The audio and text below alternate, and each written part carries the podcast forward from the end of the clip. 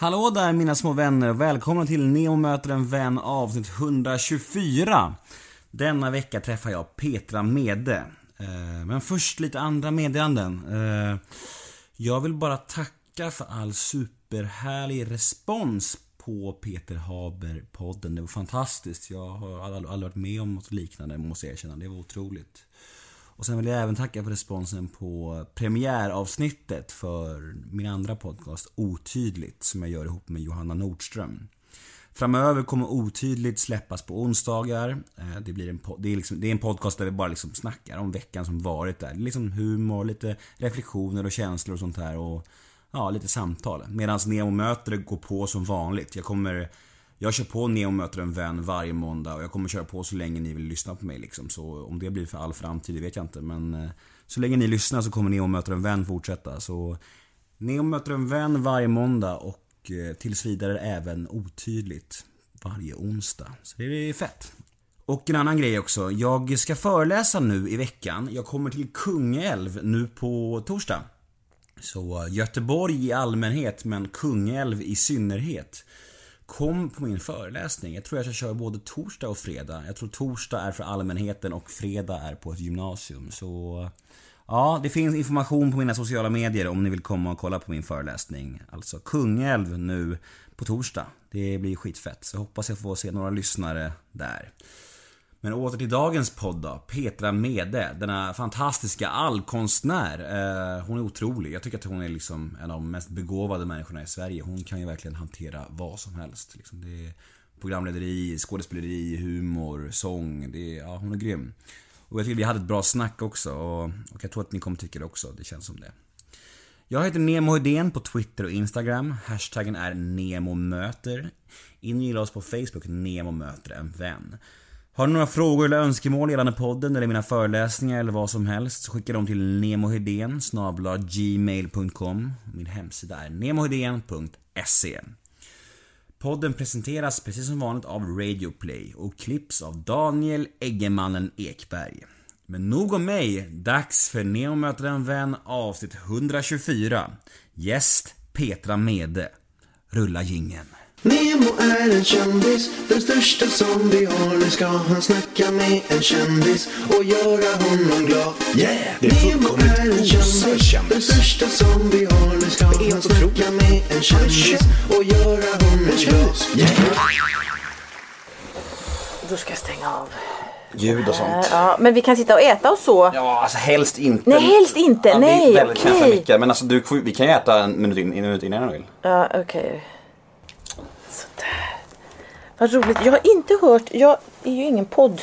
Jag har inte upptäckt podden riktigt än. Nej, Eh, men du har, gjort, du har gjort några poddar. Jag ju... Ja, ja, det har jag gjort. Ja. Men jag har aldrig lyssnat på dem för att jag är generationen av P1 liksom. Så att jag Mm. går ju och lyssnar på P1. Så att jag har inte hört om podd jag har varit med i. Har jag inte. Och jag har inte lyssnat på andra poddar. Så att, men jag tänker att det kanske inte gör så mycket. Jag Nej. svarar ju på liksom eh, f- frågorna ändå. Så. Ja, det blir ju det är som en intervju liksom. Ja, ja. Och om jag ska gissa på eh, vad skillnaden är på min podd och andra poddar är, är att jag är väldigt, som de märkt här uppe, tror jag, att jag är väldigt transparent om Ja, mig själv liksom. och, det. Och, sådär. och jag tycker att det det är det jag trivs med podden, att podden formatet liksom, det är väldigt frihet liksom. Det blir väldigt så avslappnat Mm. liksom. Alltså, om du åker och spelar in radio så har du ändå så här, nu är det radio. Eller då, nu är det TV, då är man Mm. lite så på sin vakt. Jag tror podden är mer så här, man får en i alla fall det är känslan jag har fått i min podd. Att det är väl, gästerna är ganska Mer direkt, ja, jag förstår. Liksom. Mm. Och, känner, och känner också så här, ja men fan han är ju så himla bjussig. Då får jag också lite bjussig. Liksom. du berättade mina knep för dig här innan. Ja, ja, ja. ja, ja. Men jag är ganska... mm, Nej just det, men det får vi se hur mycket bjussig jag blir. Däremot är jag ju inte så privat av mig. eh, Nej. Men det, det, det, får, det får man ju se hur mycket man blir. Det, får vi se och det är ju bara för dig, som sagt, det är bara om du, du, om du känner att det är någon fråga som inte du vill svara på, säg Ja, bara det. då kör jag det. Och sen efteråt, som det är någonting du känner såhär, det där var ju lite, då klipper vi på det. Mm. Ja, okej, Inga problem. okej. Mm. För jag, det viktigaste för mig är att mina gäster har en bra känsla i magen liksom efter. Under, under, underbart. Frågan är... Sitter här. Ö, vad heter det? Klipper du i det? Hur lång blir den? Jag brukar spela in ungefär en timme till en och en halv timme. Mm. Och eh, jag klipper egentligen bara om gästen ber om det. Mm, så lång? Okej. Ja, Ja, ja, För ja. att jag tycker att det är, det är nice för mig allt. Det blir så här. Men ibland så ber gäster om att få klippa. Men det är inte så ofta men det händer. Nej, förlåt eh, att jag gjorde så här nu. Så. Gör som du vill. Du, du är stjärnan. Du är divan. Är du redo? Mm, redo. Då kör vi igång. Nemo möter en vän med Petra Mede. Hej Petra! Hej! Hej. Men säger du vad du säger en vän? Du har liksom, just det, du har bestämt dig för, det är en bra ingång, du har bestämt dig för att, att jag är en vän till dig. Mhm. Det var tanken med podden från början. Att jag vill ju liksom, jag älskar människor. Och jag älskar kändisar. Det får man, får man göra det i det här landet? Ja, det är väl, och så länge du älskar mig så är det väl jättebra. Jag Ja, älskar dig och jag ja. älskar kändisar. Jag tänkte så här, ha en podd där man snackar med någon och ambitionen är att man ska bli en vän. Så Nemo möter en vän. Fint, Och okej. allt som oftast så har jag inte blivit vänner men jag har spelat in ungefär 120 avsnitt och, eh, Herregud. och nästan alla har det varit väldigt trevligt med. Ja, det finns ja. få undantag, någon som- inga nämnda, inga glömda. Det hör man när man lyssnar på dem, vilka det är då kanske. Att Jag, stäm- kan- jag kan säga till dig efter vilka, Ja, in, vilka ja. jag inte klickade med. Nej, Men det finns kanske två, okej. tre stycken. Ah. Men allt som oftast. Ja, Sändes de ändå? ja. Men jag tänker så här. Jag har lärt mig med den här podden att när man sätter sig ner med en människa och Mm. ger människan en ärlig chans och öppnar sina sinnen liksom, så är nästan alla människor härliga. Ja, absolut. Så jävla int- det är så jag vet. intressant det där. Mm, det är jätteintressant. Du, så, så fort du känner en människa på djupet så kan du inte ty, liksom, eh, tycka illa om den. Nej, det är väldigt lustigt att det är så ja. ja. Man tror ju, alltså, Mm. man, man är så full av fördomar och allt sånt där och sen så bara slår man sig ner, Mm. öppnar upp det så bara, för den här människan är ju det är en bra människa, det är intressanta åsikter och så där. Alla människor har ju det. Mm. För det de brinner för liksom. Ja, nej, det, det är häftigt.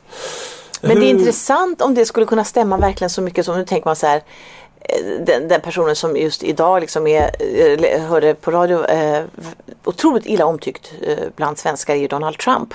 Och så om man ska försöka vara för jag har ju eh, under perioder försökt vara liksom, en religiöst sökande person. Misslyckad naturligtvis, men, men ändå. Och då tänker jag att se det goda i alla. För det vi säger nu ska ju då egentligen inte bara stämma överens på liksom eh, innerstads eh, Stockholms eh, kändisar utan även på Donald Trump då.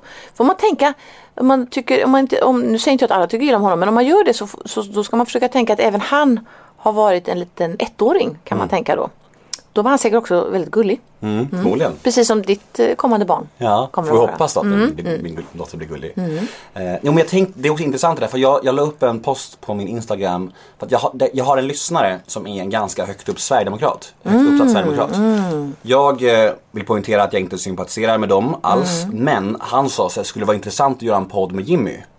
Så han, och då blir jag så här, ena sidan av mig är inne på det vi snackar om nu.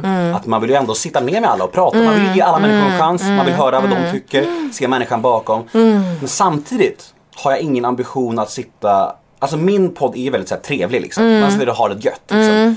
Jag vill heller inte sitta och ha det gött med Jimmy. Förstår du vad jag menar? Nej, jag fattar. Jag är fattar. kluven Ja, väldigt svårt. Det är väldigt svårt alltså. Ja, ja det, det är det.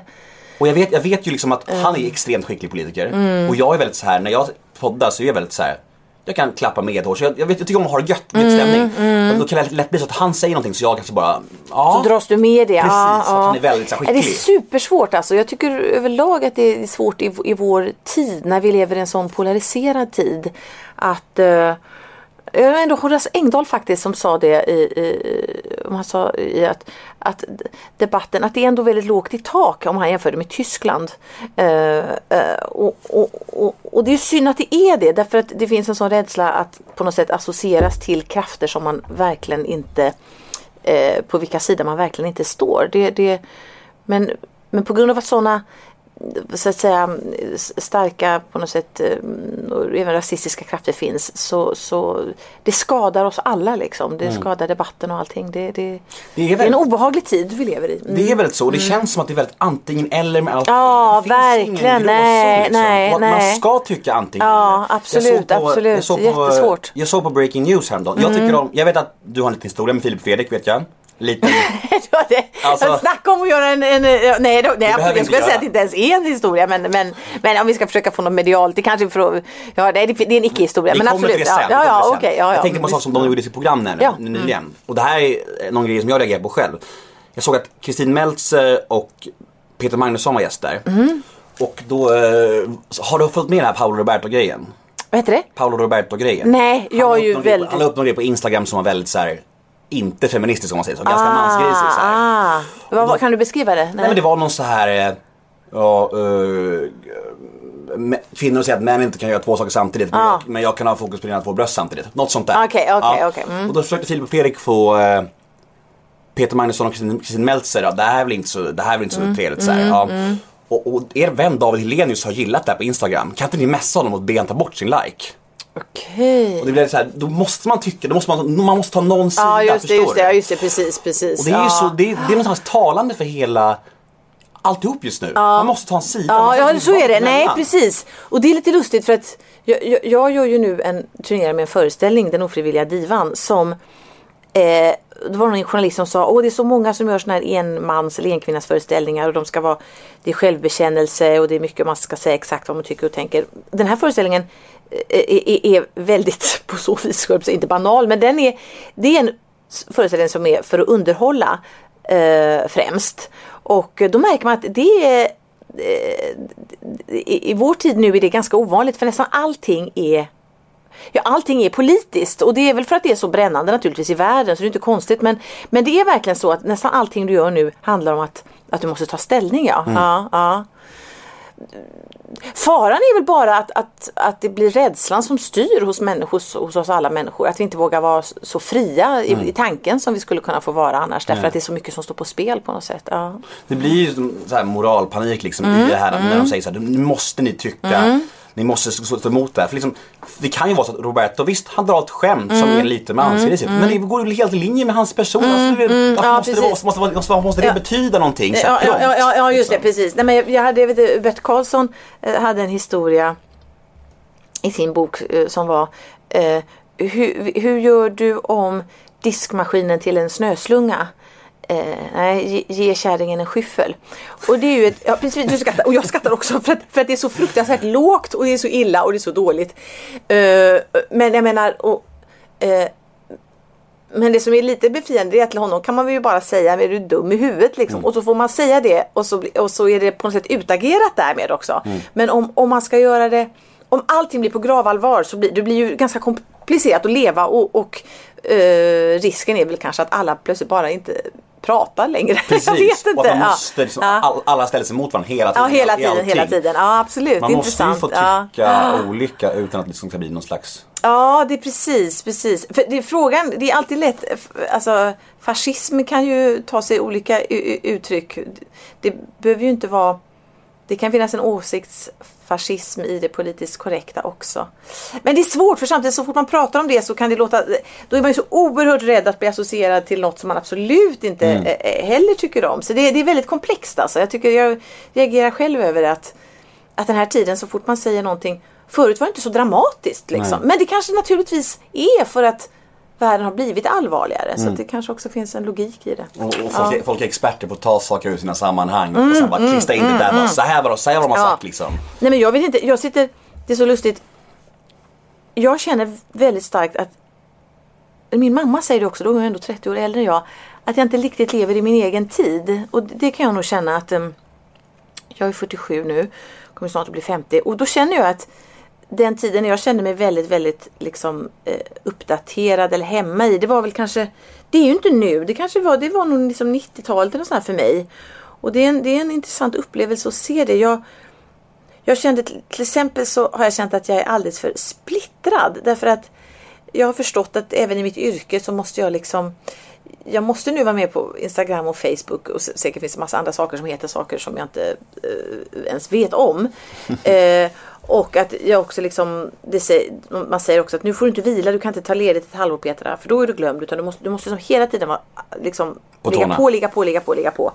Och och sen så är, märker jag också, även om jag är väldigt dålig på sociala medier, att jag blir väldigt beroende av ehm, eh, telefonen. Jag sitter och kollar på den och har, jag har med mig i sängen och sådär liksom. Och då kände jag bara det för några veckor sedan att det här är, det, det, det är ohållbart. Jag kan inte leva så här. Så att då vidtog jag en åtgärd och så gick jag med i en bokklubb. För att hitta någon fördjupning. Så nu så sitter jag och läser en bok som är 700 sidor tjock och som heter Ett litet liv. heter den. Som jag ska läsa klart på söndag. Så jag läser utav bara helsike. Jag har, den inte, jag har den i bilen nu. Ja. Men då kände jag så här. Och den är, det är en bok som är så detaljerad. Alltså det är helt otroligt. Ja, den är omständlig kan man säga på ett sätt. Men då tänker jag att den är verkligen motsatsen till, till vår tid. Den är så otroligt, eh, otroligt långsam och man måste vara så otroligt fokuserad när man läser den också. Och jag känner att jag mår så bra av det. Det nästan tar mig ur eh, inte en depression, men jag kan bli lite lätt eh, nere när jag sitter och läser andras Instagram. Jag kan bli lite låg av det. Men när jag läser den här boken som ändå är en väldigt sorglig och tung bok. Så är den så djupgående och så detaljerad så att jag blir eh, lycklig. För den kräver mitt fokus så mycket. Mm. Så du kan släppa liksom allt annat. Allt annat, ja. Mm. Det makes sense tycker jag. Ja, ja, okej. Tänk om jag kunde läsa en sån tung bok. Jag är så jävla dampig så om jag inte tycker att någon är, någonting är superintressant Mm. så bara pff, faller jag bort det helt. Liksom så här. Men det, där, är- jag är ju också precis sån. Men kan inte du känna att det är en sorg att vara det? Att, att du liksom aldrig är... Att ingenting blir riktigt omsorgsfullt gjort. Mm. Men så är det verkligen. Ja. Alltså, jag, och, jag, och jag och dessutom uppfattas som arrogant ibland när jag verkligen inte är det som människa. Jag tycker att jag är det. Men ibland när jag pratar med människor och in- människan, det som människan inte säger är superintressant. Då har jag svårt att hålla fokus på det. Det här är mitt jobb. Så det här har jag lärt mig nu. Att jag liksom, jag, även om inte jag tycker det du säger är 100% intressant så är jag ändå med. Men det är det! Ja, det jag, är det. det Jag jag, säger menar- det är så här. Jag är oerhört intelligent och intellektuell. Eh, så det jag säger är verkligen värt att lyssna på. Men jag menar inte dig specifikt, jag menar min gäst då. vad jag menar? Så det är klart att det är en sorg att uppfattas som arrogant och, lite, och, och virrig. Men alltså det... Du har svårt för att läsa böcker. Uff, Du kan- jag har ja. läst en bok. Vilken var det då? Ondskan. Men den är många som har lyckats läsa ändå. Eh, Det tycker jag var fantastiskt. Ah. Men jag har försökt att läsa många mer. Jag har försökt att läsa liksom så Harry Potter och sådär. Men det är inte ens det klarar jag liksom. Och jag kommer ihåg när jag så- såg Tinker Tailor Soldier Spy på bio. Då gick jag ut efter 20 minuter. Jag, jag, jag bara, vad händer Ja, egentligen? Det går jag kan, inte. det, I och för sig kan jag lite förstå. Jag förstår att den är bra men den var också, jag, jag, jag förstår också. Men Du jag har också de dragen. Jo men jag gillade den men, men jag, den var också så att det var på gränsen faktiskt att jag kunde hålla. Jag såg den för sig inte på bio men, men, men ja. Nej men jag har också, jag har precis samma liksom, problem som du men jag, jag, mm, jag försöker jobba med det. Och, jag, och så här. Tillfredsställelsen när man har klarat att läsa en bok och tillfredsställelsen när man har klarat att vara väldigt koncentrerad. Den, den är ju fantastisk liksom. Så att det, det är väldigt... eh, Mm. Men så kan jag känna efter en podd. När, jag, när jag har suttit två timmar med, no, med någon gäst som har väldigt långa utläggningar. Så här, och Jag känner mig stolt över Fan det där, jag lyssnar Ja, verkligen på allt hon sa. Ja, för för ja, mig ja. är det här liksom övning också. Ja, det här är någon slags terapi liksom. Okej. Så, så du får gärna dra lite långa utläggningar Jaha, så jag ska lyssna så gott jag kan. Ja, vad roligt. det är jättebra att intervjuaren säger att jag ska lyssna. Det där måste jag skriva ner. Det var, jag ska lyssna så gott jag kan. Det är jag är inte som andra intervjuare. Jag är inte journalist. Nej, Det är bra, det är jättebra. Jag är bara en kille som Det är jättebra att man tycker vet om att det, inte, kändisar. att det inte är helt säkert att du lyssnar. Det är fantastiskt. Det är fantastiskt. Men då undrar jag mig en, en, en att, Jag vet att du inte vill att man ska smacka men en liten, liten citronkakebit här då. Ät på. Mm. Hörru, men annars då, i intervjusammanhang, tycker du om att göra intervjuer? Alltså trivs du i rollen som... Mm, enormt, enormt. gör det enormt. alltså? Ja, ja. Det är som att jag ehm, jag blir till när jag formulerar ehm, saker kring mig själv. Mm. Det är oerhört, oerhört nyttigt. Det, jag- man skulle önska att fler fick sitta och bli intervjuade. Därför att de, i de första intervjuerna tycker jag som man gör, då skapar man sig en idealbild av sig själv. Men ju fler intervjuer, nu har jag ju varit aktiv så här liksom i någon slags medial bransch ändå i tio år, då märker man att man blir mer och mer sann och mer och mer ärlig. Eh, och då, och och då blir intervjuerna terapeutiska för en själv. Och, eh, så alla borde få den här hundraprocentiga uppmärksamheten av någon som intervjuar en. Mm, Får ju vissa gå i terapi och betala för. Jag, jag betalar väl inte idag för det här. Får se. Ja. Det kan komma faktura. Det är oklart. Det beror på hur bra, det blir. Men jag gissar att jag inte heller får betalt. Hur är det med poddar? Får man betalt för det? Eh, jag höll på med min podd i två år Mm. innan, innan jag fick in en krona på den. Ja just det, men vi som blir intervjuade. Nej. Vi får aldrig, nej det får aldrig, nej nej nej. nej. men alltså det, jag tror inte att, eh, jag tror inte att ni, alltså offentliga människor får väl nästan aldrig betalt för intervjuer i Sverige. Alltså Nyhetsmorgon, det är väl aldrig så här, aldrig liksom. Ja, vi- vissa intervjuprogram på vissa kommersiella kanaler kan, Okej. man, kan man nog kräva det. Ja. ja. Typ, exempel? Eh, jo men jag tror att du kan få, jo men alla kommersiella kanaler om du eh, ska intervjuas kan du nog kan du nog fråga. Du kan nog fråga, eh, vad heter det, Breaking News. Det har inte jag varit där men... men eh, Märkligt. Eller, eller vet, vet jag, TV4 olika. Men SVT får väl inte liksom tror jag. Jag kan nog tycka för sig att det, att det inte är så att man att det är schysst att betala eh, om man kan. För att det är ju det är ju ändå win-win situation tänker jag. Du som vinner något på att ha mig här. Jag vinner naturligtvis på att vara här också. Om man nu ska prata ur någon slags här karriär och kommersiell synpunkt. Men vi båda vinner ju lite och vi båda Det kanske går jämnt ger av vår tid. Så vi egentligen skulle... Ska båda betala vi- vi- Nej, jag skulle ha halva ditt gage. Det är det jag försöker jag säga. Ja, ja, men det, okej, vi löser det. Och då byter vi ämne. Men jag har ju bara haft, alltså av, eh, jag har haft två stycken kändisar som har bett om betalt. Som har frågat om betalt. Vilka var det då? Nu blir du nyfiken va? Ja, jag blir ju... Vi- Kan du gissa? du har ju haft 120 vi- gäster va? 120 gäster. Vilka, vilka kändisar eh, Du får hemskt gärna säga det och jag ger pengar ingen mest. moralisk aspekt. Jag har haft Peter Wahlbeck så har han bett om pengar, det vet jag ju. Nej det har jag inte. Nej, du har inte haft honom? Nej. Doggy Doggelito. Ja, han måste ha bett om pengar förstås. Ja, Ja. just det, precis. Det var ju Eh, ganska tidigt. Ja. Eh, Jag ska säga, och jag, har ingen, jag hade själv kunnat göra det så jag har ingen som helst, eh, jag tycker inte att det är nå- någon eh, moralisk fråga alls faktiskt. Eh, eh, men okej, Dogge Doggelito och... eh, Den andra är så mycket svårare. Ja men det kan vara en Dramatenskådis som inte har så mycket... Nej, Tilde Fröling var det. Ja ah, okej okej. var Men hon lever väl också i en kommersiell eh, värld eh, där hon eh, Absolut. måste dra in pengar. Ja just det. Ja, Så just det. Så Ja, är det så är det. är inte Nej så jag har ingen, det har jag inte några, precis. Ja. Mm. Hörru, eh, jag brukar inte vara någon som ältar barndom, uppväxt och sådär. Men jag tänker ta ändå en, två frågor kring det. Mm. Jag är nyfiken på eh, din uppväxt. Om du tänker tillbaka på den Mm. och ska bara liksom, hårdra lite grann. Ser du upp den som härlig eller mindre härlig? Ja härlig, härlig, härlig. Mm. Var det, liksom, det var, inga, det var inga ångest, ingen drama? Var Nej, nu är jag en ångestfylld person så att en, en lycklig barndom är ju inte liksom någon lösning på, på, på livsvillkoret. Men eh, jag skulle säga till och med att det kan eh, Det är väl någon som har sagt någon gång att en, en lycklig barndom är, det är liksom, det ger de sämsta förutsättningarna för att klara vuxenlivet. eh, för att eh, jag hade en väldigt eh, skyddad barndom. Jag hade inte velat ha någon annan naturligtvis. Det är ju fantastiskt att ha en fin barndom. Jag var ett väldigt eh, jag var ett väldigt älskat barn och jag fick väldigt mycket uppmärksamhet och väldigt mycket kärlek och väldigt mycket bekräftelse eh, av mina föräldrar.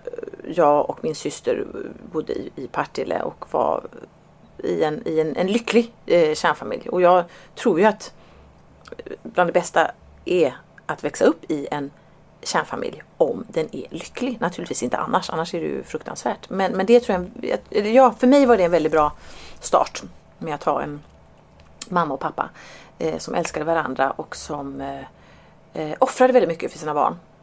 Stod tillbaka eh, och eh, vi, vi var det absolut viktigaste. Det, Ni kom alltid man. första hand, Mm, liksom. Ja, ja, ja.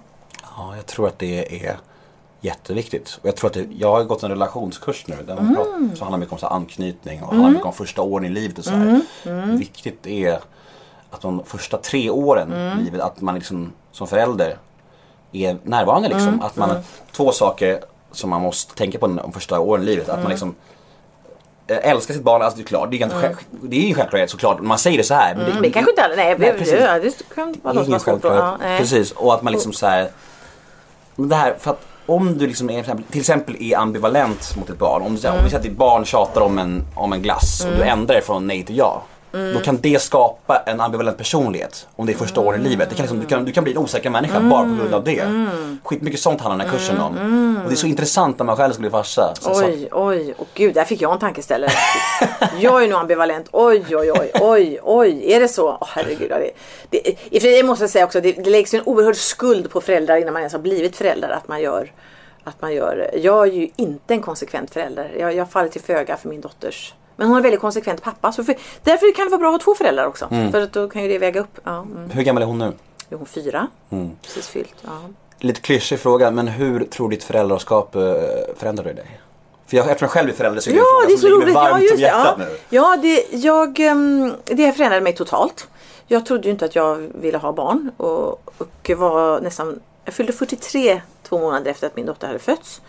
Och ehm, jag eh, eh, Ja, hon har, hon har givit mig all den mening jag behöver för att eh, ticka på så att säga. Mm. Gjort. Kände du någon slags form av meningslöshet innan? Mm. Den, den kan ju fortfarande komma, alltså den, den, den objektiva meningslösheten som jag tror att eh, livet ändå eh, är. Att, eh, den- den finns ju där hela tiden. Så att det är inte så att jag, att jag tänker att det är meningen är att få barn. Ja, någon slags biologisk mening kan det ju vara men inte en slags existentiell mening det finns det ingen mening alls. Men däremot så är det en känsla av mening därför att jag är ju så otroligt behövd. Jag är ju, det är någon som verkligen, verkligen, verkligen behöver mig. Eh, och då slutar ska, man ska inte säga man, jag får säga jag. Då, och då slutar jag ju egentligen att leva för min egen skull utan för någon annans skull. Och det är ju en, som en religiös upplevelse. Det, det pratar man ju om i kyrkan att när man blir frälst så, så lever man liksom inte själv utan det är Jesus som lever i mig. Och det är ju precis det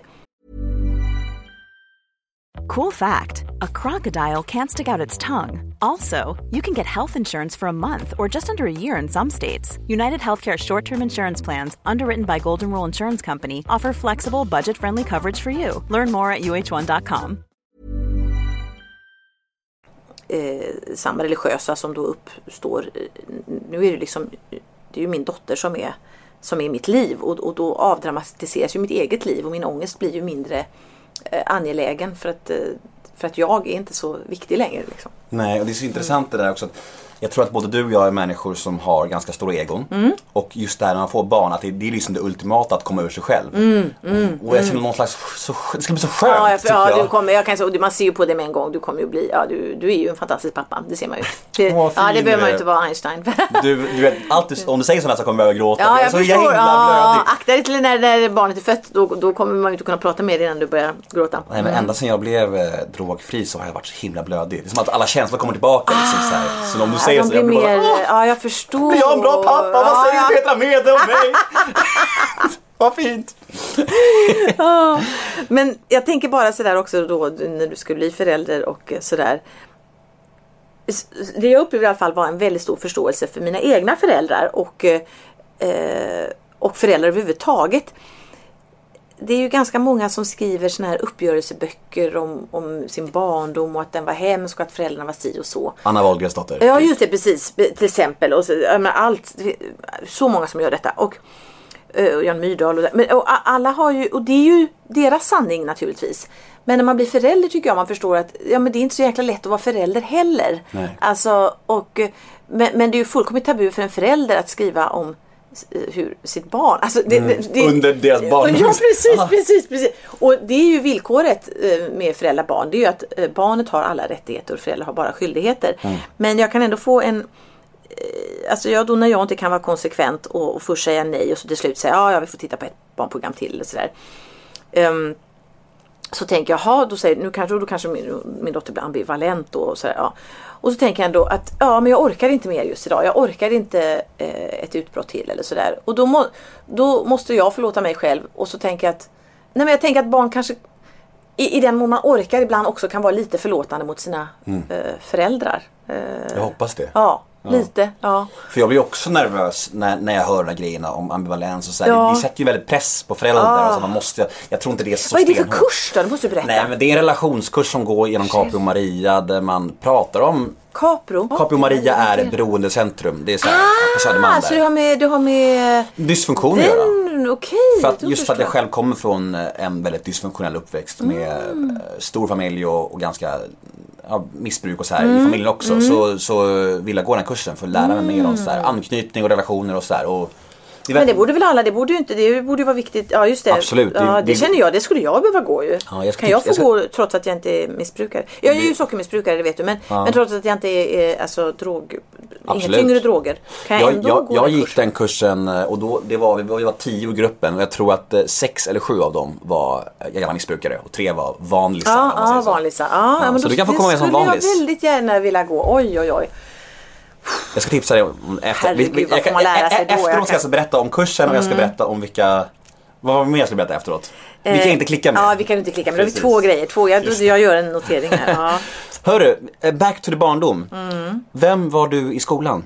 Eh, jag måste säga, jag försöker vara så sanningsenlig som möjligt på dina frågor. Men jag vet ju också att all form av eh, eh, beskrivning av sig själv är självbedrägeri. För att man försöker ändå, man vill, man vill ändå skapa en berättelse som, som hänger ihop. Men jag tror ändå att jag var mm, eh, de första sex åren ett väldigt utåtagerande, livligt barn. Så skulle jag vilja säga att jag var. Mm, det var jag. Och när du hamnade i liksom högstadiet? Ja, då blev jag, eh, där mådde jag ju inte bra. Där blev jag väldigt, då var jag som en tönt som man, man sa då. Och jag dansade ballett och eh, jag var inte mobbad men jag, var, jag hade verkligen en klump i magen när jag skulle gå till, jag hade bytt skola också och det var, det var en väldigt, ganska tuff skola sådär och, och eh, man skulle gå förbi rökrutan eh, som det hette och, och då kunde de så här, spotta nära en och sådär. Jag var väldigt, då, och då blev jag väldigt instängd i mig själv. Men jag kunde leva ut i, i, i dansen när jag efter skolan åkte och, och dansade med mina danskompisar så det blev min ventil. Men det, det, det minns jag som tre väldigt eh, eh, jobbiga år faktiskt. Och innan dess var det helt underbart. Mm. Men eh, det är ju en lucka, alltså det är så här, det är en lucka från skoltiden till offentligheten på typ 10 år. typ. Ja det är nog ja, 15 år. Ja, och jag, jag, vänta. jag gjorde ju en sån här, jag gick på en stå upp tävling 2005. 2005 var det precis. Och sen blev jag väl, så fick jag med mig ett tv-program, Parlamentet tror jag, eller sån här, 2006 kanske. Ja, så jag har ju varit ganska kort tid egentligen i den här offentligheten. Ja det är ju rätt intressant, du, du blev ju kändis sent som man Mycket sent, säger. ja, mycket sent. Vad var din bild av offentligheten och kändislivet innan du själv hamnade i det? Jo, men jag ville nog alltid bli eh, eh, kändis. Som ju är ett eh, ord som många spottar på. Eh, Jag tycker om det Ja, ordet, ja, ja, det? nej, vi har inga problem med det heller. För Nej. det, måste jag, och nu är jag väl en, en, en kändis. Ehm, eh, det- hade, alltså jag hade ju en dröm absolut eh, om att vara att fortsätta vara så mycket i fokus som jag hade fått vara under min uppväxt. Det, det, det ville jag ju verkligen vara. Ja, ja. ja, ja. Vi var på scen och synas och väldigt, eh, väldigt banalt och grundläggande. Jag ville liksom, eh, och det är ju det jag fortfarande vill. Jag vill egentligen hoppa runt på scenen och att människor ska applådera och säga att de älskar mig. Det, är- så, det är så enkelt. Jag har, jag har ju inget eh, liksom, politiskt budskap eller någonting sånt. Utan det, det, har ju så, alltså, det är en väldigt eh, barnslig drift som jag har. Ja. Men det är så intressant för du säger att du vill vara kändis för att du alltid har varit i centrum som barn. Du fick Mm. väldigt mycket uppmärksamhet då. Jag vill vara i centrum för att jag inte fick uppmärksamhet som Ah. barn. För att jag har det här tomrummet att fylla. Så egentligen borde alla vilja vara kändisar. Exakt Nemo, helt rätt. Ibland håller man på och överpsykologiserar.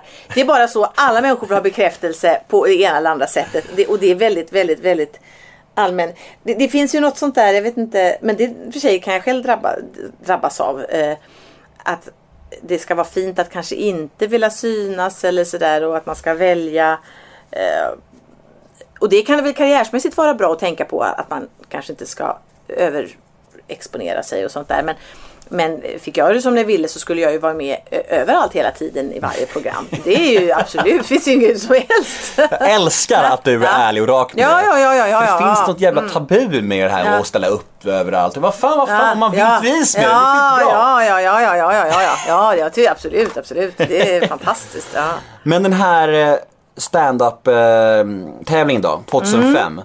Varför sökte du? Har det alltid varit en kul tjej liksom? Det, det, det var ju så. Ja, jag var rolig i klassen då innan, jag, innan puberteten. Då var jag rolig. Men, och sen så, sen så var det så att jag, jag dansade och så blev jag skadad och sen var jag en långtidssjukskriven person nästan ett decennium. Eh, Men, Man ska vänta, bara stanna, stanna. Det kan- Tio år där du inte gjorde någonting.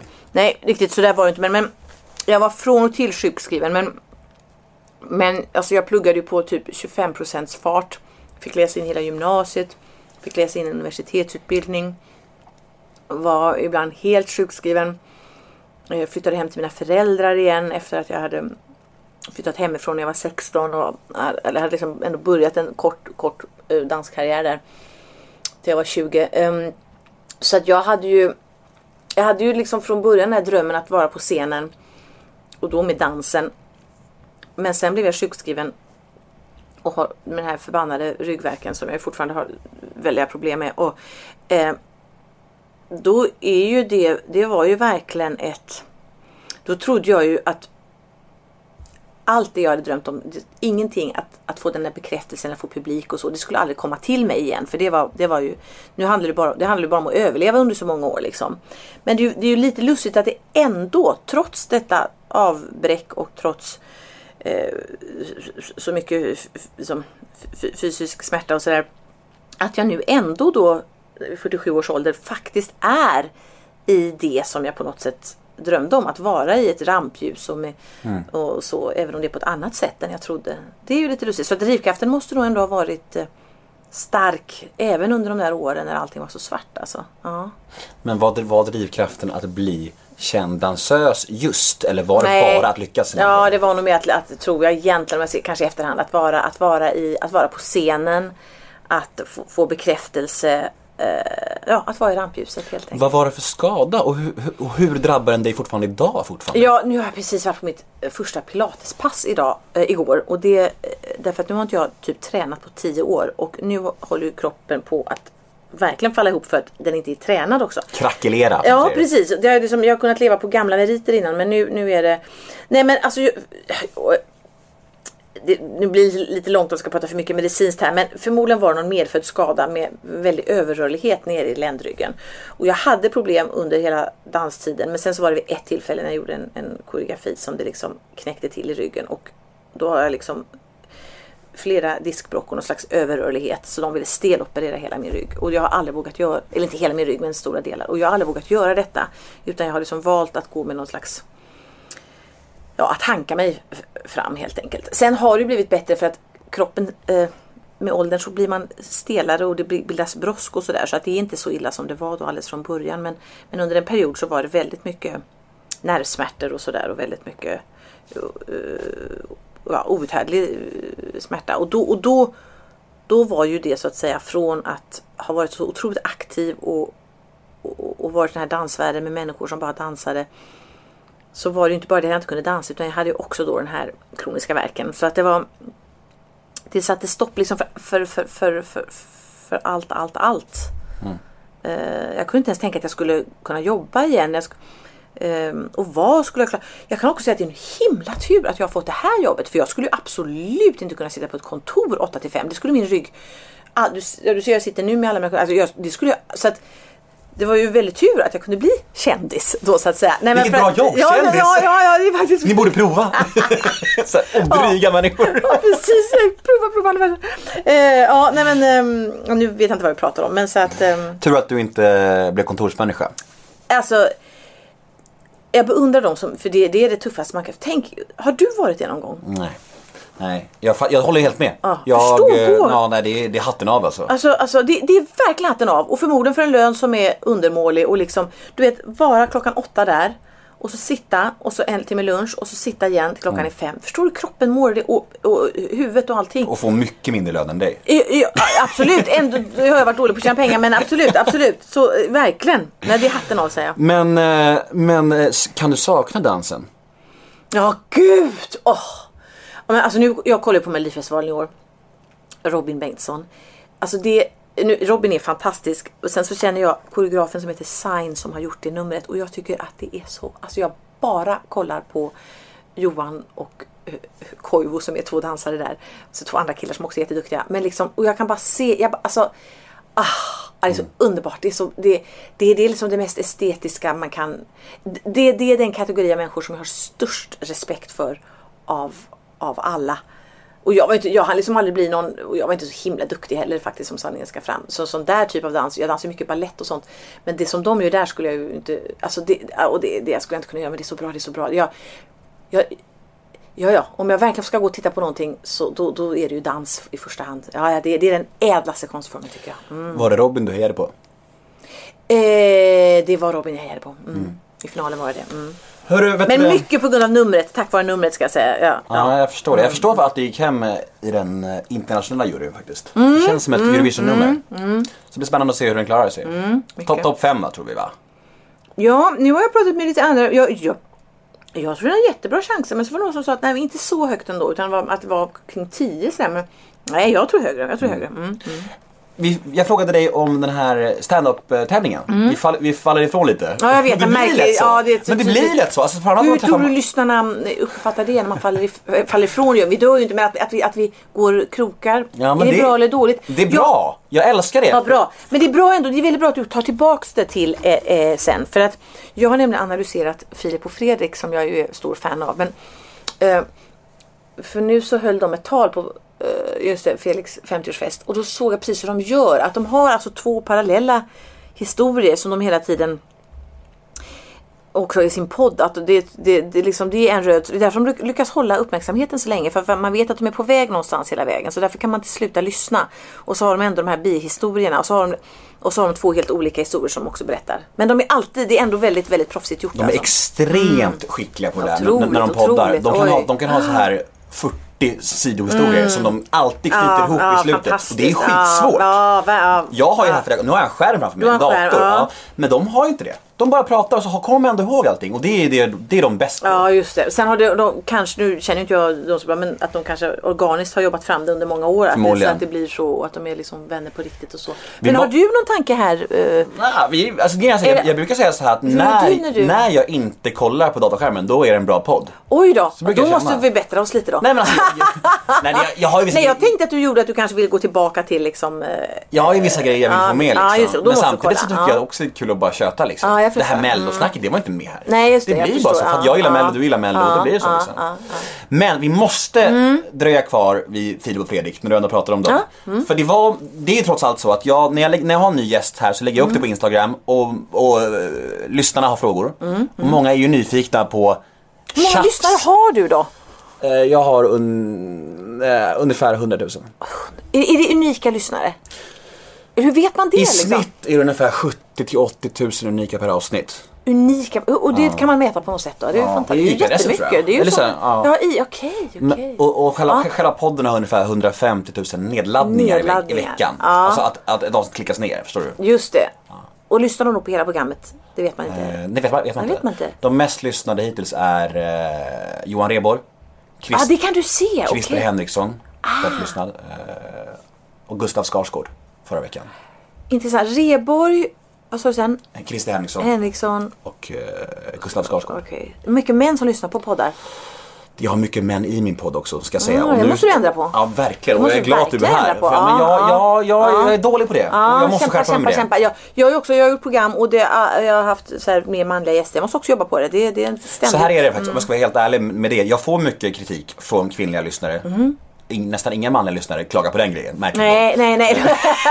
Nej. Om- om man är på det vinnande laget så vill man ju inte klaga. Nej, Nej, jag vill ju inte ha med kvinnor bara för att det är kvinnor, förstår du? Jag, Alltså jag vill ha alla mina gäster vill jag ha in, intresse för. Jag är intresserad av dig liksom. Eh, Och jag är intresserad av alla mina gäster. Men jag vill inte ta med en kvinna för För att- kvinna. nej, jag fattar. Jag frågar mycket kvinnor, men kvinnor har en tendens att tacka nej oftare. Och jag måste bättras för det. Ja. Så är det. Men det, det, det, är, det är svårt för jag ska säga det, när jag har eh, lett Guldbagge, Guldbaggen så ska vi ofta skämta med människor i publiken.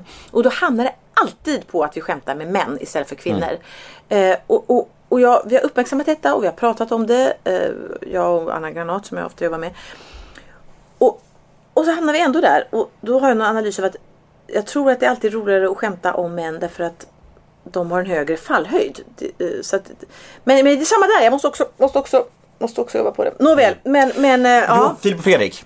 Eh, det var ju ett, eh, ja, har du hört när de pratar om eh, Jag, jag, jag läste om det på eh, Någon kvällstidning kanske? kvällstidning och då gick jag in och lyssnade på, på det och satt på att De när ska jag prata om mig, när ska jag prata om mig? De pratar om eh, en incident i Globen. ja, ja, ja, ja, ja, det är, fan, det är fantastiskt, ja det är roligt. Nu ja. vill ju alla lyssnare höra din sida av myntet. Ja, ja, ja, ja, ja. Du ja. måste berätta. Jag ska berätta. Det var så roligt för att mm, Tänk att det är så här, det har gått två år då eller hur länge sedan var det där? Det är Ja, det är något sånt jätte, där. jätteroligt. Att det ändå, men det var så underbart roligt därför att eh, jag satt bredvid eh, Filip på Felix Herngers 50-årsfest. och det alltid så här, man är, om man nu, jo, men jag tycker ändå att vi två är komiker på något sätt båda två, eller vi är roliga människor. Och då, då känner man alltid så här, man ska, och så vet man aldrig i början på en fest om man är eh, om man kommer att vara rolig eller om man kommer att vara tråkig och man vill inte känna pressen på sig. Och så, och så, så såg jag att Filip satt där och han är ju oerhört söt och charmig och sådär älskvärd. Och så, och så tänker man så här, åh gud, åh nej, och han kommer tycka, ja, att nu ska jag, ska jag, måste jag vara liksom mitt offentliga jag här eller sådär. Så att det började med att vi båda sa så här förlåt till varandra. Eh, jag vet, jag vet inte om han, om han menar att, jag sa, att han sa förlåt för det som var i Globen. Men jag tror att vi sa förlåt till varandra för att vi båda kände att åh stackare att du måste sitta bredvid mig. Eh, tror jag vi båda kände. Men, men sen blev det ju precis tvärtom. Eh, Men han bad om ursäkt för det som hände i Globen. Jaha! Det har han sagt i sin podd. Jaha, Så okej. ni bad om ursäkt för olika saker. Ja det gjorde alltså. vi. Ja, ja, ja, ja, ja, jag sa förlåt för jag tänkte, åh förlåt vad- stackars Filip måste sitta bredvid mig här ikväll. Så det var Men mitt vad fan har- tänker du om dig själv då? Jag kan undra liksom. Jo men, jo, men, men, jo, men så här. Ja, men det kan vara lite jobbigt att vara på eh, en fest. Eh, och man ska sitta bredvid en person som man, jag tror inte ens vi, ja, vi, har, vi har typ bara träffats i Globen, det var ju den gången vi har sett. Och då tänker jag så här, ja, men då tänker man ändå att man måste, att man måste leverera liksom. För det har jag ändå i mig lite sådär att Jo men på andra sidan så satt ju Clara Herngrens eh, eh, sympatiska bror och han sa något sånt här att, han, på skämt naturligtvis, nu har jag förväntningar liksom. Och, Aj. på att jag då ska underhålla, precis. Han sa väl det just för att, för att han förstod att människor kan säga så. Och det där finns ju ändå lite i en när man sätter sig sådär att att, eh, kan, förstå, nu höll inte jag något tal, men förstå att hålla tal på Felix Herngrens fest. Där liksom hela, alltså du vet. Eliten. Ja men Alla. säger du, säger du att alltså det är klart du måste leverera då. Det, det, och där måste jag säga, jag lyssnade ju på den här podden med Filip och Fredrik och de pratade ju ner sig. Det tycker jag de har börjat göra lite för mycket nu. Jag vet inte om det har med medelåldern att göra. De, måste, de, får, inte, de, får, inte, de får inte bli för eh, sådär slätstrukna nu. De måste, de måste vara lite mer kaxiga tycker Det är jag. lite såhär Eminem-taktiken i 8 Mile, att dissa sig själv för att höja sig själv egentligen. Okej, ingen annan- ja. då kan ingen är det därför? ingen annan är det dissa sig? Nej, liksom. nej, för deras håll var absolut inte, inte så dåligt eh, som de säger. Det var inte kvällens starkaste, men det var, det var, det var absolut ingen... De bombade inte. Vilken var kvällens starkaste? Ehm, och så var det Josefin Bornebusch gillar jag jättemycket och tackar för maten. Enda, nej Klara pratade också. Ja det var ju på så många olika nivåer. Eh, eh, Nu var ju det här, jag vet inte hur mycket man ska prata om den här festen. Men den var, den var väl nästan kanske en offentlig angelägenhet, inte vet jag. Den var, var Ja, i mycket, princip. Ja det var så det har pratats mycket om den ändå. Nej men naturligtvis det finaste var ju naturligtvis Klara Herngren som pratade eh, och också sjöng till sin man. Det, det var ju det finaste talet. Men vi måste, det är ju Globen-grejen vi, folk är nyfikna på. Vad hände i Globen? Jo, det var så här att eh, eh, det var ju en sån enorm flyktingkris och med väldigt eh, snabb, snabba puckar så satte man ihop en stor gala, insamlingsgala på Globen. Eh, jag tror alla kanaler skulle sända den samtidigt och eh, Edvard af Sillén, eh, som egentligen är jag kan man säga, eh, han hade han bad mig och Filip och Fredrik att programleda det här tillsammans. Och eh, naturligtvis sa vi ja. Och enormt korta puckar alltså. Vi, vi, vi, träffades typ, du vet, e- en timme innan det skulle vara direktsändning. Och jag menar, he, det, hela Sverige skulle sitta och titta på detta och vi skulle samla in pengar. Och du ska stå i fullsatt Globen. Då, då, då gäller det, ja. Eh, men då är vi tre ganska, det är nog rätt personer att ta. Vi är ganska erfarna. Och, eh, men då har jag en liten sak. eh, och det är att eh, jag tycker inte det är ett jättestort krav. Jag måste få en loge och jag måste bli sminkad och fixad. Sådär. Och då var det en timme kvar. Jag brukar ju ha tre timmar på mig. Och då så knackar, knackar jag eh, och jag vet precis vilken loge det är. Jag ska ha den där. Den bästa låten. Ja, ja, precis den som hade på Eurovision. Måns fick ta den som var bredvid. Ja. Knackar jag på och då öppnar ingen. Edvard och jag knackar på och så hör man bara någonting. Nej, nej, nej, nej, jag är inte klara! Och man säger, men, men, vad är det här? Vad, vad, vad är det här? Det, det, du vet, i, i, i min värld, att ända då sedan barndomen, att allt det jag säger blir som jag säger och jag får uppmärksamhet. Och att någon plötsligt bara överhuvudtaget säger nej till mig var så här. Och, och, och jag tänkte, vad hör jag rätt här nu? Det måste vara något. Och så öppnas dörren och där står Filip och Fredrik eh, eh, superstressade. Och, hon ropar någonting med att Ja, jag har precis från USA. Fan, vi, har, vi, vi håller på att spela in en podd här va? Vi spelar på att spela. Och jag tänkte, men är de dumma i huvudet? De spelar in en liten och jag som inte ens är någon sån här podd, du vet, jag bara, de spelar in en podd. Vi ska, vi ska samla in pengar till människor som, som sitter och ska fly över medelhavet. Vi ska börja om en halvtimme. Liksom, hallå prioritering och försöka, vi kan försöka ha lite lagkänsla här kanske och göra det här tillsammans. Eh, och det här är så roligt för så som jag uppfattade det då så uppfattade jag ju att jag inte alls visade detta. men det måste, men det måste, måste Filip äras för att det visste inte jag, det måste jag säga. Nu är jag ju nästan lite kär i Filip men eh, att, att, och jag visste att det skulle bli det. Man vet med vissa, man visste, jag visste att det skulle bli det. Jag visste att det skulle falla till föga för den killen. Eh, jo men så, för att han då är han väldigt känslig. Han registrerar alltså detta. För de kan ju verka eh, ibland så buffliga som par. Liksom sådär. Men, men eh, det var intressant att han då registrerar att jag blev så fruktansvärt förbannad på detta. Jag trodde inte att det var sant alltså. Och då tänkte jag så här, shit jag som trodde att de här var så trevliga privat. Okej att de kanske kan vara lite så här buffliga i eh, och precis som eh, Filip trodde att, att, att jag skulle vara trevlig privat och inte vara den där divan. Så istället förstärkte vi våra så att säga offentliga... skitroligt. ja, ja, ja. Så, så, så, att, så att vi, vi båda blev... ah, ah, ja, ja, Vatten ja. på era kvarnar Ja men, ja, men total, det var så här. Och jag, och jag tänkte så här, de, de, de är så här, de är så här och bara eh, skiter i. Och då tänkte jag också att manschauvinister. Och, och, jag, och jag, jag trodde liksom inte att det var sant. Sen så Sen så Edvard som är ett under av eh, socialt smörjmedel liksom, tror jag fixade till det på något vis. Så att de fick gå ut och spela in sin podd någon annanstans. Och du vet efter det, och, sen, och det här var ju så bråttom så att vi sågs ju inte utan sen gick vi in och gjorde det här programmet. Eh, dock, då hörde jag eh, eh Filip sa att man, jag har inte tittat på det, men, men att man kunde se någon sån här hat i blicken när vi går in. Det skriver jag absolut inte under på för att, för att den stunden vi gick in, så professionell jag, då var det liksom glömt och jag vet att de är de bästa i Sverige på att liksom eh, göra en sån där grej. Så att då, då, då går jag in liksom i en professionell roll. Så att, eh, eh men jag vet att jag var så förbannad så jag gick ut och tog en, rökte en cigarett. Som jag inte gör. Eh, och då kom, då kom Schyffert och Nor gående där och så bara skrek han någonting. Jag hatar alla män och sådär. Och Schyffert bara ah, det är bra, det är bra, det är bra, det är bra. ja. Och sen, och, ja. och sen så gick vi in och så gjorde vi det där. Och sen har inte vi sett sen dess. Eh, men sen är det ju så här att det där var ju en väldigt eh, ändå kort historia och det är inget som jag så att säga har levt med. Det är så intressant för att när ni träffas Ryan Reynolds here from Mint Mobile. With the price of just about everything going up during inflation, we thought we'd bring our prices down. So to help us, we brought in a reverse auctioneer, which is apparently a thing.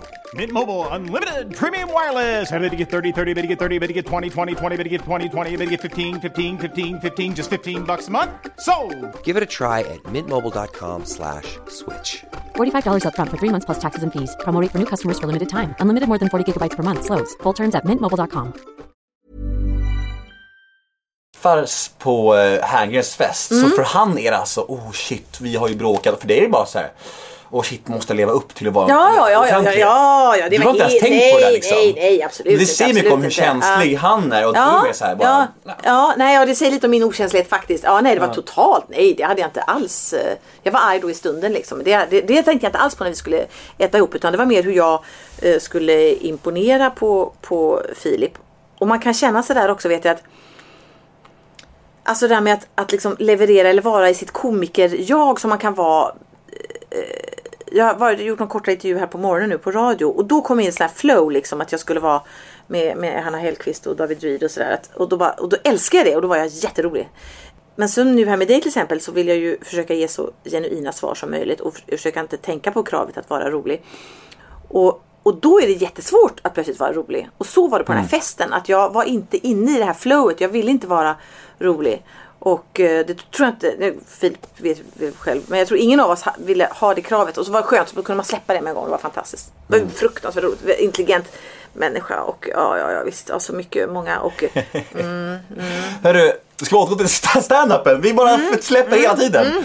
Ja, när jag sa på mina sociala medier att jag skulle träffa dig så var det många så här halvetablerade stand-up-komiker Mm. som kommenterade och sa Vi saknar Petra Mede på scenerna. Och, och jag fått, bara i, faktiskt i morse så träffade jag, när jag träffade David Ryd och så, ja, och så fast, Du kör ingen stand-up alls Nej, längre? jag gör inte det. Varför? Eh, och och det är så lustigt för att eh, jag har ganska bra självförtroende och, ganska, och ännu bättre självkänsla tyvärr. Men, men, eh, men just med stand-upen så har jag ingen självförtroende. Varför? Nej, därför att eh, det var ju så jag började och då var jag helt hämningslös och väldigt anarkistisk och sen så väldigt snabbt så blev jag liksom etablerad. Och jag fick åka ut på en, sån här stor eh, eh, eh, komikerturné som enda tjej med massa och jag, jag hade liksom inte, jag hade inte fått växa in i det och eh, jag gjorde så dåligt ifrån mig där och, och tappade det här att jag skulle gå in, inifrån mig själv och liksom eh, utan skulle försöka tänka vad vill människor ha och, och andra skrev material åt mig. Jag är inte så mycket skrivande människa heller. Det, jag tror det, det är lite det handlar om också. Att jag, jag har egentligen inget behov av att Alltså många av att säga så mycket liksom. Jag vill ju bara egentligen att människor ska bara, jag vill bara ha applåderna va. Jag, jag, har, jag, jag har inget att Du vill inte påverka, du vill bara ha liksom nej, bekräftelsen. nej, jag inget och jag vill ju inte liksom eh, prata om mitt privatliv. ehm, och, och min föreställning som jag gör nu, som ju inte, den är ju en humorföreställning men det är absolut ingen stand-up eh, föreställning. Eh, den handlar bland annat om det, att jag faktiskt inte står för någonting. Att eh, jag går ju igenom där alla ämnen. Alltså politik, religion, invandring, tiggeri, moral, filosofi. Och eh, vänder och vrider på det där. Men man förstår att jag egentligen inte har någon eh, Alltså, jag, jag- har inte liksom tagit ställning, jag är inte politiskt intresserad. Och, Inget budskap egentligen. Nej, precis. Och, och, och, och då kan det vara lite svårt att vara ståuppare för att, för att eh, det, det är lättare om man har saker som att det här vill jag säga och, och, och sådär. Som Magnus Bettner till exempel som ju nästan är på något sätt, vad ska jag säga, jo han, han är ju ståuppare men han är ju extremt... mer debattör. Ja, debattör, precis så. Så att, eh, men visst, jag menar det är väl, det är klart att det, jag längtar tillbaka till att stå på en ståuppscen och få sådana enormt täta skratt liksom. Eh, men i och med att jag för tidigt fick vara med och verkligen gjorde bort mig på den där eh, turnén alltså. Med, då var det med så här Johan Glans och Batra och Schyffert och alla. Det, det, det var, det var, jag var enda tjej och det, det var liksom Nej det Du avskräckte mig. känns, Det avskräckte lite, mig du känns faktiskt. lite ärrad och rädd nästan. Ja, det, det är nog det, det är få saker som jag... Eh, alltså så här, jag kan leda liksom Eurovisions för 200 miljoner tittare. Alltså det bekommer mig inte. Alltså på riktigt är jag så otroligt icke nervös för det. Eh, Men en standup-scen för 40 pers. precis, ja, oh, ja, mycket! Jag skulle inte ställa mig på Big Ben som är ett ställe här i Stockholm. Alltså, nej, nej. För det är nej. intressant för de, de, de komiker som jag har haft med här, alltså Mm. de, flera av de här giganterna, Schyffert, Rheborg, de här. De återkommer till att det roligaste är typ stand-up. Mm. Och då tänker jag att du, du måste, och du har ändå varit vunnit tävlingar. så här, alltså, har du ingen längtan tillbaka Mm, Jo, alls? det har jag, det har jag absolut. Verkligen. Men jag tror... Ge det en chans för fan. Ja men jag kommer nog göra det. Jag tror jag kommer att göra det kanske när min dotter är lite större. Mm. Eh, därför att jag orkar inte ha de känslomässiga eh, dalbanorna eh, upp och ner när, samtidigt som jag har småbarn. Faktiskt. Det, det, det har man nog av då liksom i, i privatlivet. Så att, eh, jag vill ha det lite lugnare på, på, på scenen. Mm. Gör du standup eller? Nej, Nej. nej. Har du längtan? Jag, nej, jag föreläser en del. om- Eh, om, om- om, mitt liv, om, om eh, Jag var i min dokusåpa för sex år sedan, sju år sedan. Eh, Kungarna av Tylösand hette den. Var du med i det där? Mm.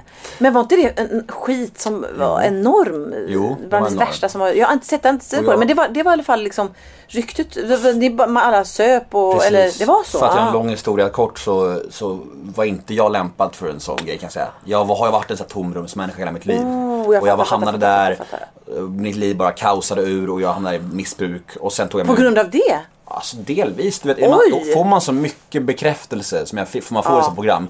Och sen så kommer det tomrummet efter. Då är det här Var det, var det fri sprit och sånt? Ja, varje dag i en månad. Dygnet runt. Alltså det var bara att fucka ur helt. Och du vet, det här tomrummet som jag alltid haft i mig. Det var ju större än någonsin efter. Jag kunde inte hantera det. Då hamnade jag i drogerna på den vägen nere. Så, eh, så min föreläsning handlar mycket om hela mitt liv, min resa liksom. Okej. Och jag vill gärna, jag vill försöka påverka ungdomar. Eftersom att idag söker fler ungdomar till Paradise Hotel än till Lärarhögskolan. Ja, jag, jag läste det Ja, och det är utgångsgrejen i min föreläsning. Du det? Det är liksom utgångsgrejen i min Ah, föreläsning. Så ah, pratar jag utifrån det och ah, att berätta min historia, vad, riskerna med snabbt kändisskap och allt sånt här. Och, och det är en, ja, nej, jag har fått väldigt fin respons och det går väldigt bra. Så jag, jag, jag, jag kör inte stand-up när jag föreläser. nej, du föreläser. Ja. Ja. Det är ju hon Sanna Bråding också om sina... Ja, det är väl eh, något, så- något sånt där i den. eh, Ah, ja, ja. Skillnaden är att hon, jag tror, att hon- jag tror att hon eh, dricker lite då och då, då, idag. Jag är ju helt Du är clean. helt clean. Ja. Jag är väl helt clean för att jag egentligen inte vågar riskera någonting. Nej. Mm. Alltså i med mitt liv nu med liksom föreläsningarna, podden går så bra, min dotter kommer, Mm. allt funkar, allt går bra. Ska jag då riskera det genom att prova att ta en öl för att det kanske funkar? Det är inte så viktigt för mig Mm. Nej, liksom. nej. För det kan, Det lustigt. Ja, nej, det det kan kommer- lika gärna bli så att jag hamnar i där igen och då raserar jag allt. Ja, liksom. precis, det är ingen risk jag vill precis. ta. Liksom. Jag hörde samma, eh, men det är sen eh, min dotter också så att jag höll på att småröka eller du vet man kallar det feströka fast så blev det Mm. fest lite för ofta och sådär.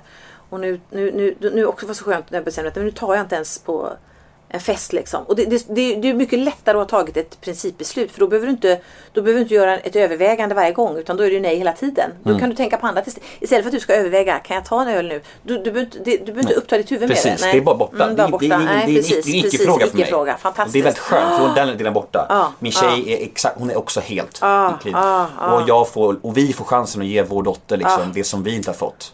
En nykter och drogfri Ja, uppväxt. ja. Det är fantastiskt. Det är fantastiskt. Det Det, är det- hade jag. Jag hade en nykter och, och drogfri uppväxt. Och eh, Sen leder jag program för 205 miljoner tittare. Alltså, återkommer till det. Men hur, jag måste fråga, hur, vad är din relation till alkohol? Ehm, jo men jag, alltså jag tror att jag har en missbrukarpersonlighet. Det är jag helt övertygad om att jag har. Eh, till exempel det, som jag, det missbruk som jag tillåter mig är ju tyvärr sockret då. då. Det, det, det är fruktansvärt alltså. Eh, men jag tror att om jag nu när jag är ute på turné så märker jag det att det är ju väldigt lätt att man efteråt vill sätta sig. Jag dricker något som heter Cosmopol. Jag dricker bara en enda grej. Och det är kanske min räddning. Jag dricker inte öl och inte vin. Jag dricker eh, Cosmo, en drink, drink som luktar eller som smakar som lite saft. Så Mm. Färgglad drink. Färgglad med tranbärsjuice. Cosmopolitan heter den. Och den ska upp på ett väldigt speciellt sätt. Ehm, Det är väl den med ett körsbär va? Nej det är inte körsbär utan det är, Nej. det är vodka. Det ska inte vara vanilj. va- eh, Vodka, eh, Cointreau och sen så är det ju lime och sen så är det ju eh, tranbärsjuice. Mm. Det, ska inte vara, och sen, det, det kan vara lite flamberad eh, apelsinskalshalva i också. Kan vara. Mm. Eh, men ehm, Tycker du om att bli, bli berusad? Ja, det gör jag ju. Jo, men det gör jag. Inte, inte så jätte... Nu är jag ju kontrollmänniska så att jag är ju eh, jättesvårt att veta. En del säger att jag är så enormt måttlig, men det tycker jag inte att jag är. Absolut inte. Men, men nu till exempel då, nu ska jag tänka. Nu drack jag ju en Cosmopolitan. Eh, vad är det idag? Onsdag. Mm, Ja. Eh, då var jag på, då drack jag ju en Nej, de hade inte det utan då fick jag ta Capri Norsk hette den istället. Men då drack jag ju faktiskt två sådana drinkar i måndags kväll. Och då tänker jag på det nu att nu, nu, nu, nu får det nog dröja en vecka. Så, så, så, så, tänker jag. Ja, ja. Vad har du för relation till droger? Åh herregud. Ja, jag har ju den, ja, det är som att någon kan ha en bra relation till det. Jag tänker du, du som har varit mm. missbrukare. Eh, eh, då, för då, då tar man väl så mycket som man tappar, eh, man tappar kontrollen. Det är ju, det me- är ju alltså, det är mellanting. fruktansvärt. Ja, absolut, jag förstår vad du menar. Alltså, när man är på väg in i det där, då är det ju obehagligt. Men sen så när man, alltså, i, i mina mått mätt så var det så att jag, jag tog ju så mycket så att jag liksom var helt bedövad. Då, alltså, man, går, man går förbi det där obehagliga med att tappa, att man liksom bara, åh, så höll jag på ungefär. Så Man bedövas totalt istället för Men bara då är det att man nästan inte vill vara med då? Eller man vill inte vara i medvetande? Alltså jag, alltså jag, jag, I början när jag höll på med droger, i bör, jag tror jag så här, I början så gör nog alla det för att de tycker om det på något sätt. Att det, det ger någonting för en. Sen så när livet började rasera, då tog jag droger för att jag inte stod ut med verkligheten. Jag var så ledsen över verkligheten, verkligheten hade blivit. Så jag bedövade mig med droger. Så det blir så att man liksom tar sig in i en fas som man sen måste bedöva. Det är det som är så farligt, så man fastnar liksom. Okej, okej. Så var det för mig Nej, det är ju fruktansvärt. Jag måste ju säga då om... eh, Jag, jag hör att jag låter väldigt präktig och det är jag ju till stora delar. Men, men jag måste säga det här programmet då, Tylösand eller som du pratade om. Var oerhört oansvarigt eh, de som gjorde det programmet tycker jag. Så jag har vara- jag tänkt mycket kan jag säga. Eh, Men, men samtidigt, deras, det är deras jobb liksom. Och jag vet att Vad var det för produktionsbolag som gjorde det? det var Mastiff. Eh, jag- Kalle. Sol, Kalle Solman producerade det.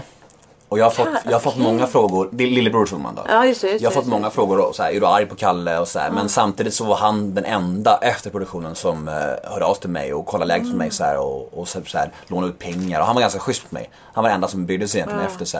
Så han är jag inte arg på. Och, Men det Alla- måste finnas, men alltså vadå, han, han, var, så han var producent. Jo men det måste finnas ansvarig utgivare. Han Absolut. har ju inte ansvarig utgivare för det. ansvarigt, det var väl Jem? Vad heter han? Jem Geter? Heter han det? Okej, ja, det, det vet Ja, jag skitsamma. inte. Ja, Det är ja, irrelevant nej. egentligen, men- det är men- ändå det här, ja, det är ganska relevant för ansvarig utgivare är alltid en ansvarig utgivare. Folk är besatta av bekräftelse Mm. och, och, och sociala medier och lägga upp det. Har, har man lägger inte upp det har det inte hänt liksom. Och så här, du vet. Och det är... Men alltså det är ju, det, jag är ju absolut inte den generationen och, eh, och det finns så mycket bra saker med att bli äldre. Gud vad mycket bra det finns. Ja, ehm, nej men vi pratade om det i början här du och jag att, att det är så mycket mm, så här, kändis och att du tycker det är ett roligt ord och det är så fantastiskt att få bekräftelse och jag tycker också och jag vill att eh, människor bara ska stå och applådera åt mig. Men det är ju väldigt lustigt ändå att jag sa till dig att jag vill inte de här, under de här småbarnsåren så vill jag inte göra stand eller vissa saker jag inte vill göra. Jag jobbar ju, även om jag jobbar mycket, men jag jobbar ändå mindre nu när jag har min dotter. Och då är det ändå lustigt att, att det som fyller den ännu mer det är ju faktiskt då när man glömmer sig själv. Det är ju väldigt lustigt. Alltså, det, är ju, det är ju tio gånger eller hundra gånger mer värt att sitta bredvid min dotter när hon eh, leker i badkaret eh, eh, än att eh, stå på scenen. Så att eh, det är ju lustigt att eh, det som smäller högre än att få bekräftelse är ändå att bekräfta någon annan.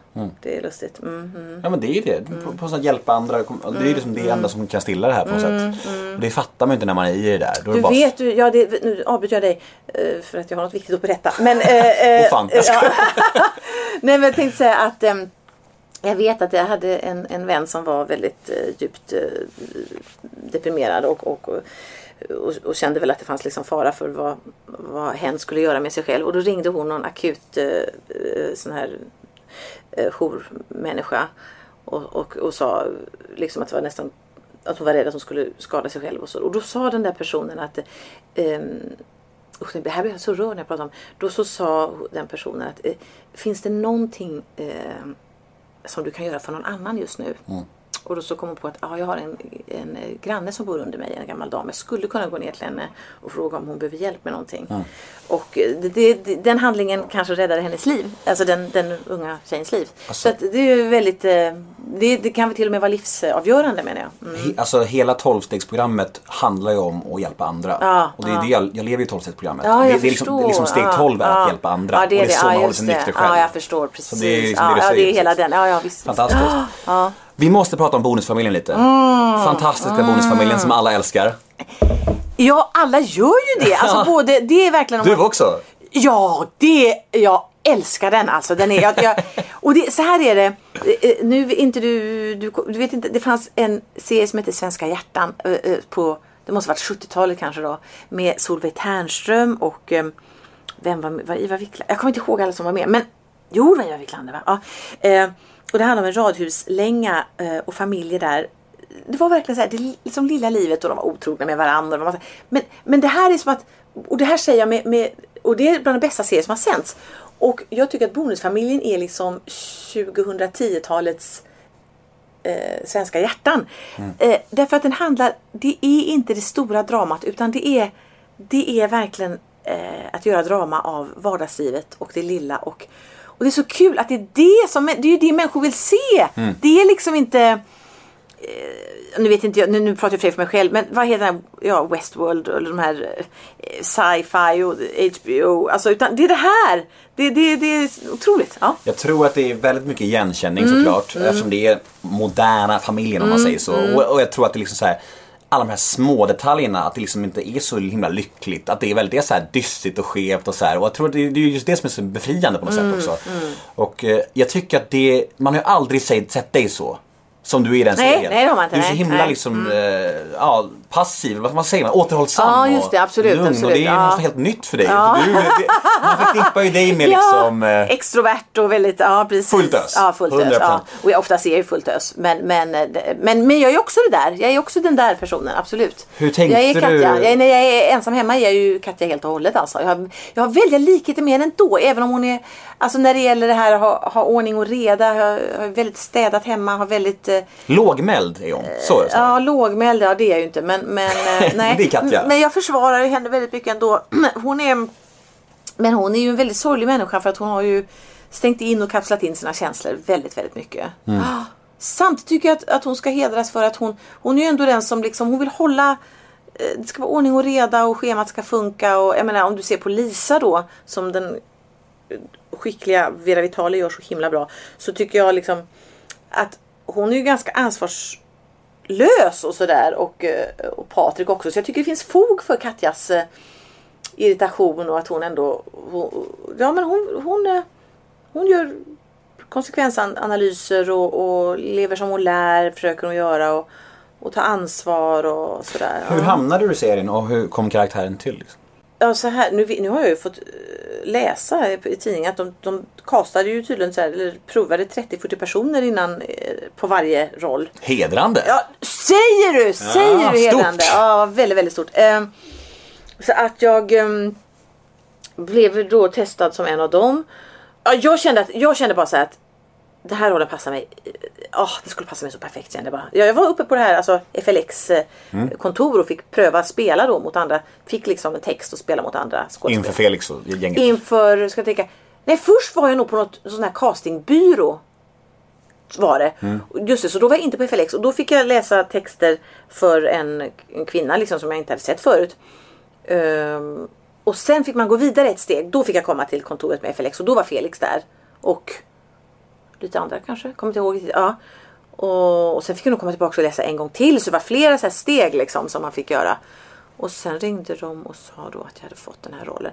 Och du vet, med, alltså förstår du, med de här etablerade skådespelarna, alltså jag tror att både jag och Barbro Svensson, denna älskvärda människa, eh, är väldigt häpna över att, att, att vi två fick vara med i det här. För vi är ju också på något sätt kända i egenskap av oss själva. Inte som skådespelare. Men jag tycker att vi båda är väldigt bra. Eh, Barbro är helt fantastisk och jag är också väldigt bra. Och vad som jag tycker vi gör så bra det är att, att man inte tänker egentligen på att Precis. det är vi ändå. Ni kommer bort helt vi kommer från bort ändå, ja. identitet på något sätt. Ja, ja. Det är skithäftigt. Jag håller ja, helt med. Ja.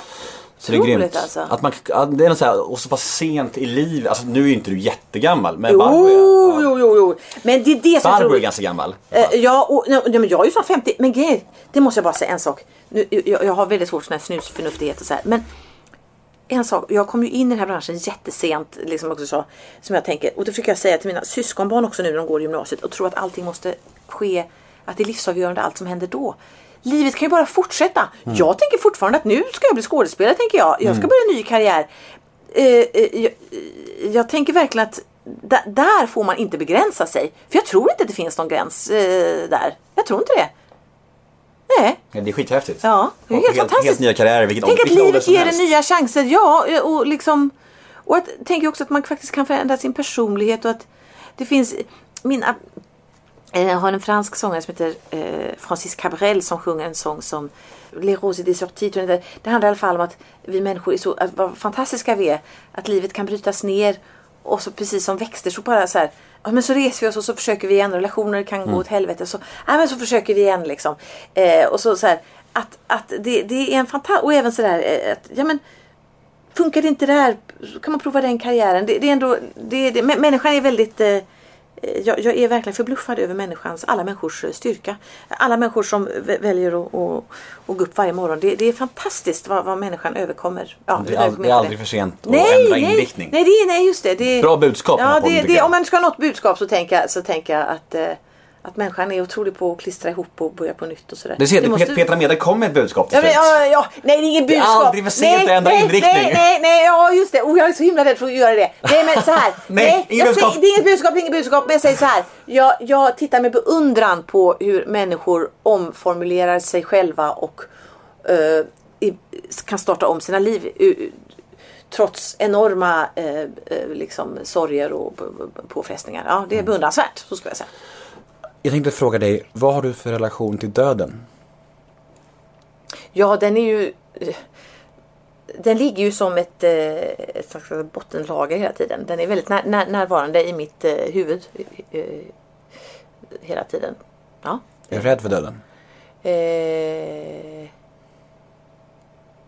ja, det, där är ju, det där är ju som en... Eh, vad svårt. Samtidigt kan ju livet vara så oerhört svårt också. Um, döden är ju liksom både en, en, en, en... Det måste ju kunna vara en befrielse och en, en dom liksom. Uh, det skulle ju vara, i alla fall rent filosofiskt så skulle det vara... Det finns ju bara en sak värre än, än, än eh, döden och det är ju att den inte skulle finnas. Det, det, det skulle ju vara fullkomligt outhärdligt.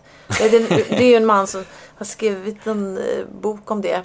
Om man tänker i förlängningen, då skulle ju ingenting ha något värde alls. Då skulle ju att vi sitter och pratar här eh, det har ju ett värde för att det är begränsat i tid och rum. Så att det är ju i begränsningen som ett värde på något sätt ändå uppstår.